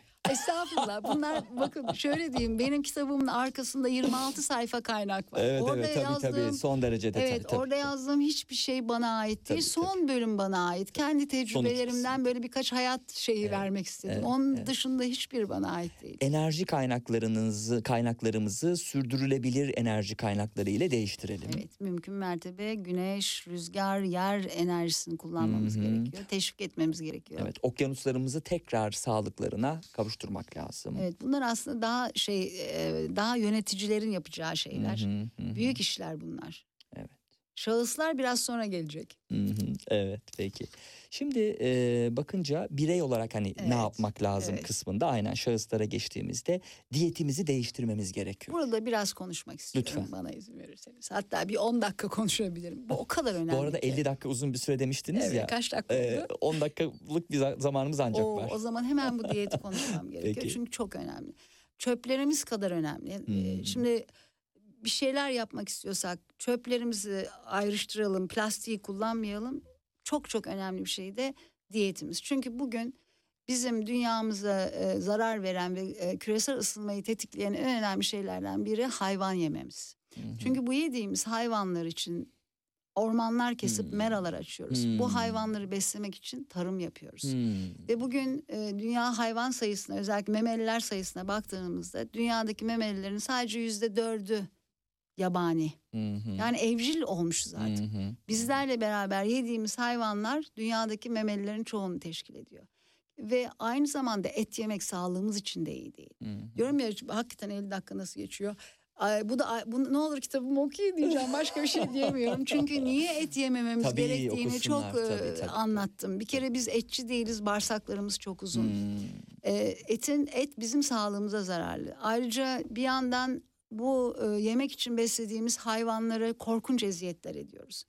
E, gerçekten biraz açın, okuyun, seyredin. Bir daha et yiyebileceğinize inanmıyorum Hmm. zaten. Et yemememiz gerekiyor Karbon ayak izinin de azaltılması daha yüksek için tabii bu ki gerekiyor. kesinlikle aynı Hmm. eşdeğer yani e, belli bir gram proteini almak için yediğiniz etle e, bitkiyi karşılaştırdığınızda etin yarattığı karbon ayak izi bitkinin en az 10-20 katı. Evet. Yani kesinlikle etten vazgeçmemiz Bu arada gerekiyor. sevgili dinleyenler bir yanlış olmasın size temennide bulunmuyoruz. Anti kanser kitap başlığında yani hani hastalıkların da önüne geçmek için bu öneride bulunuyoruz. Evet. Yani et yerseniz kanser olursunuz değil ama sonuç olarak oraya gelmiş olursunuz bu kısır döngünün içinde. Evet, Bunun altını kesinlikle. çizelim. Hem yani evet. diyetinizi yapın ki sağlıklı kilo verin et yemeğinden bahsetmiyor Sevil Öz şu an. Evet, dünyamızı Önemli bir kurtar noktaya evet çok teşekkür çekiyor. ediyorum. Dünyamızı kurtarmak için et yemememiz gerekiyor ama hazır et yememişken kendimizi de kurtarıyoruz. Evet. Öyle diyeyim. Gerçekten bu çok önemli. Evet. Vejeteryan bir diyete geçmemiz gerekiyor. Ee, vejeteryan diyetler çok daha sağlıklı ve hiçbir şekilde beslenme e, yoksunluğu falan da yaşamıyorsunuz. Doğru beslenirseniz. Bu çok önemli. Evet. Ee, enerji tasarrufu Kesinlikle. tabii önemli. Yapılması Evet. gerekenler yine Doktor Sevil Öz'ün destek yayınlarından çıkan e, eserinde var. Su tasarrufuna dikkat çekilmiş. Çok Lütfen önemli. siz araya girmek isterseniz girin örneklerle ben Evet, başlık mesela olarak su geçeceğim. tasarrufunda şu çok önemli. Sadece e, çeşmeden akan su değil bizim benim hı. anlatmaya çalıştığım ya da bilimsel veri yayınların anlatmaya çalıştığı. Kullandığınız her malzemenin Dişimizi fırçalarken bile diye örnek vermiştiniz. tabii ayrıca giydiğimiz her Hmm. bluzda yani yaptığımız her eylemin arkasında başka su ayak izleri var. Hmm. Çünkü mesela bir kazak giyiyorsunuz. O kazak üretilirken o fabrika su kullandı. Hı. Yani siz üç tane kazak giyince üç kere daha su kullandırtıyorsunuz onlara. Yani olay çok büyük. Dediğim gibi burada kalan son 10 dakikamda hepsini anlatamayacağım. Ama e, su kullanımı çok önemli. Bugün dünyadaki içme sularının yüzde sekseni tükenmiş durumda. Bu kadar ciddi bir durum. Yani Yüzde seksen. Evet suyumuz yok. Zaten fark etmiyor musunuz Hmm. suyumuzun olmadığını? Evet. Suyumuz yok. Bütün dünyada yok su. Ee, devam ettiğimiz zaman e, dijital evrak tercih etmek, e, faturalar, bildiriler vesaire gereksiz bilgileri de depolarda tutmayın. Evet, dijital çünkü- ayak izinizi de azaltın. Evet çok önemli çünkü bu depolama ve e, verilerin transferi için milyonlarca kilo, ton e, plastik harcıyoruz. E, bütün bunları da düşün ve bunların üretimini düşünün. O yüzden her sene telefon tabii parası olanlar için telefon değiştirmek, e, sürekli bir şeye tık basmak, olur olmaz fotoğrafları beyinlerde tutmak bunlar bile çok önemli. Hmm. Ee, plastik yerine cama geçin derken Evet. çok bi- bilinen bir e, kahve hazır kahve üreticisi de e, plastikte karton kağıttan daha doğrusu cama geçme kararı aldı. Önemli bir adımdı bu Çok da işte ayak izini azaltmak çok güzel için. şeyler güzel. var. Evet kesinlikle camda da şöyle cam da aslında doğada erimiyor ama camın en güzel özelliği yüzde yüz geri dönüşebiliyor. Hı hı. Yani e, bu sistemleri bütün dünyada yaygın olarak kurabilirlerse bir daha cam üretmeye de gerek yok. Ve geri dönüştürdüğünüz camın ayak izi çok az. Hakikaten cama dö- dönmemiz ve de Evet. geri dönüştürmemiz gerekiyor. E, hatta Mesela cebi yani çantamızda bardağımızı taşıyabiliriz. Şimdi bir sürü e, kahve, e, çay dükkanları buna kabul ediyor. Bardağınızı veriyorsunuz, doldurup size geri veriyor gibi. Evet. Yapabileceğimiz çok şey var. Evet. E, matara kullanma önerisiyle bu kısmı Kesinlikle. bitirelim ve şeye geçelim. E, neden tuhaf hastalıklar çıktı kısmında belki birkaç cümle ederiz. E, yine kirlenmenin başlamasıyla e, sanayi devrimi ve yeşil devrime e, çıkıyor yollar bu sorunun cevabında da. Evet, Yeşil Devrim'in böyle kısacık bir şey söylemek istiyorum. Bu işte e, açlığın e, baş gösterdiği yıllarda 50'li 60'lı yıllarda çözüm diye ortaya atılmış ama aslında arkasında yine kapitalin olduğu işte çözüm değil kapitalin hı. olduğu bir e, oluşum diyeyim ne diyeyim. Bunun sonucunu size söyleyeyim ayrıntıları kitapta okursunuz. E, yeşil devrim o şimdiki yeşil devrim değil tabii şimdi başka bir yeşil Tabii, devrimi tabii. konuşuyoruz. Bu 50'lerin yeşil devriminin sonucu 800 aşırı şişman, 800 milyon aşırı şişman insan, 650 milyon ölmek ölmekte olan aç insan yarattı. Yani açlığa katiyen çare olmadı. Sadece yemeğe ulaşabilenler daha çok ulaşıp şişmanladı. Bir de kalitesiz yemek eee, şişmanlatıyor, beslemiyor. Bu şekilde yetiştirilen sebzeler, hayvanlar vesaire. Biliyorsunuz hormonlar, haşere ilaçları, korkunç şeyler yapılıyor eee, yemekleri üretmek için. Eee, bunlar bizim sularımızı da kirletti. Bu maddeler Hmm. bizim kimyamızı bozuyor, bizi kanser ediyor. Hormonlarımızı bozuyor, üremelerimizi bozuyor. Yani nereden tutsak bilmiyorum. Çok ayrıntılı konular. Ee, dediğim gibi kitabımda çok e, ayrıntılı bir şekilde anlattım. Yeşil devrimle şişmanlama, doğanın kirlenmesi başlıyor Evet aslında. aşırı tüketim e, gelen aşırı tüketimin tersine çevirmemiz lazım. Başka neyi tersine çevirmek lazım? Kapitalizmin e, bu bağlamdaki tersi ekososyalizm Evet, değil mi? Kapitalizmden vaz. Yani o, Evet. başka bir ekonomik yöntemin gelmesi lazım. Sosyal ve ekolojik refahı birlikte ilk sıraya Evet, koyan bir sistem. Ekososyalizm evet. ve büyüme yerine küçülme, Küçülme. büyümeme değil mi? Evet küçülme şimdi Degrowth. bakıyorsunuz evet şöyle bir şey var dünyadaki genel gelirin yüzde seksenini yüzde yirmi tüketiyor. Bunlar hep bilimsel veriler benim fikrim değil. Yüzde yirmisinde yüzde seksen tüketiyor. Yani dünyada inanılmaz bir zenginlik var. İşte bu zenginliğe dur demek gerekiyor. Bununla ilgili çok e, şeyler yazdım e, kitabımda. Sakın buradan da zengin düşmanı falan gibi de algılanmak istemiyorum. Ama hakikaten bu aşırı zenginlikten vazgeçmemiz gerekiyor. Bir, bir evimiz var, bir yazlığımız var, bir yazlık daha. İşte bir arabam var, yok dağa çıkmıyor bu araba, bir de jip alayım. İşte Hı hı. Hızlı gitmiyor bir de spor araba alayım falan. Yani bu ya da işte iki tane kazağım var ya bu yeşil e, bu pantolona uymadı bir de mor alayım. Yani bizim bunlardan Aa, o kadar ama olmaması Hayır lazım. olur. Bizim bunlardan vazgeçmemiz gerekiyor. Mesela şeyde Şaka Avrupa'da yapıyorum tabii. Avrupa'da e, acayip yaygın bir şey var. İkinci el. E, gençler özellikle Vintage diye evet, özellikle özellikle evet. üniversiteli gençlere yeni bir şey giydirmeniz mümkün değil. Hmm. İkinci el kullanıyorlar. Yani böyle şeylere mutlaka dönmemiz gerekiyor. Bu e, ne bileyim takmak, takıştırmak, giyinmek, süslenmek. Tabii bir yere kadar güzel görünmek istiyorsunuz ama dolaplarımızı açın bakın. Ben tabii burada imkanı olanlar için Hmm. konuşuyorum. Şu anda üstüne bir bluz alamayanlar da bizi dinliyor. Ee, on, yani onlara diyorum ya zaten yüzde gelirin yüzde sekseni yüzde yirmide. Hı hı. Bu ekososyalizmin en önemli özelliği bence şimdi kapitalizmde ülkelerin refahı birey başına düşen parayı şöyle hesaplıyorlar. İşte 100 lira geliriniz var içeride 500 insan var böyle adam başına 10 lira düşüyor. Öyle değil işte. Hı hı. Öyle bölmüyor. Ekososyalizm öyle bölmüyor. Çünkü bu bölüş yanlış. O paranın çoğu belli bir kesimde toplanıyor. Geri kalan da 1 lira giriyor cebine. Bir, birinin cebine 100 lira girerken birinin cebine 1 lira giriyor. Tabii olmuyor. Bu şekilde her şeye zararınız var ve yine kapitalizmin en önemli özellikleri komünizm de öyle. Bunlar e, doğayı hiç önemsemiyorlar. Hmm. Doğa önemli değil. O Evet. sırada ya para kazanmak ya da işte insanların karnı doysun ama doğaya ne oluyor? Sürdürülebilirlik ne oluyor? Bunlarla ilgileri yok. Evet. Yeni sistemler. Sizi birkaç saniye dinlendirmiş olacağız. Muhittin Şimşek'in Çelik Kanatların Kırılışı gelen kitaplar arasındaydı. E, Cumhuriyet'in ilk yıllarından itibaren hava harp sanayine büyük önem veren Türkiye'nin bu alandaki faaliyetleri 2. Dünya Savaşı'nda da devam etmiş ve 1941 yılında savaşa girilmemiş olsa da zor şartların yaşandığı ülkede ciddi bir altyapı gerektiren Türk Hava Kurumu'nun uçak fabrikası kurulmuştu. Avrupa'nın sayılı fabrikalarından biri olan uçak fabrikasının öncesi ve sonrasını anlatan bir kitap. Türkiye'de uçak ve uçak modu üretiminde ülkenin genel durumunu ve tarihsel olaylara ışık tutuyor. Bence bunu Ee, genç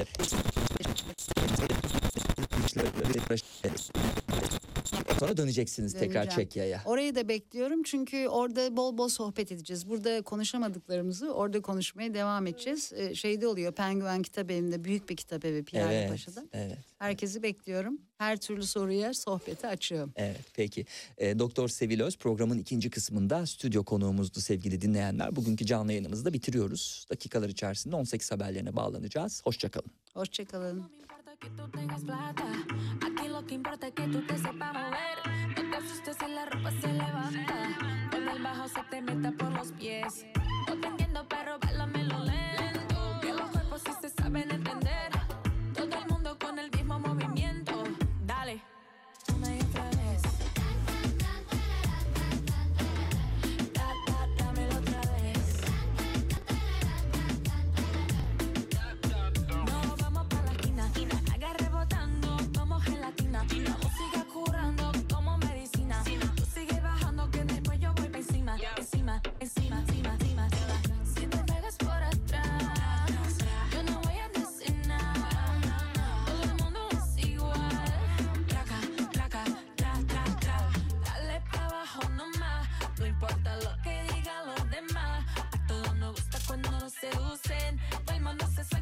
Cuando no luces. Apágamela,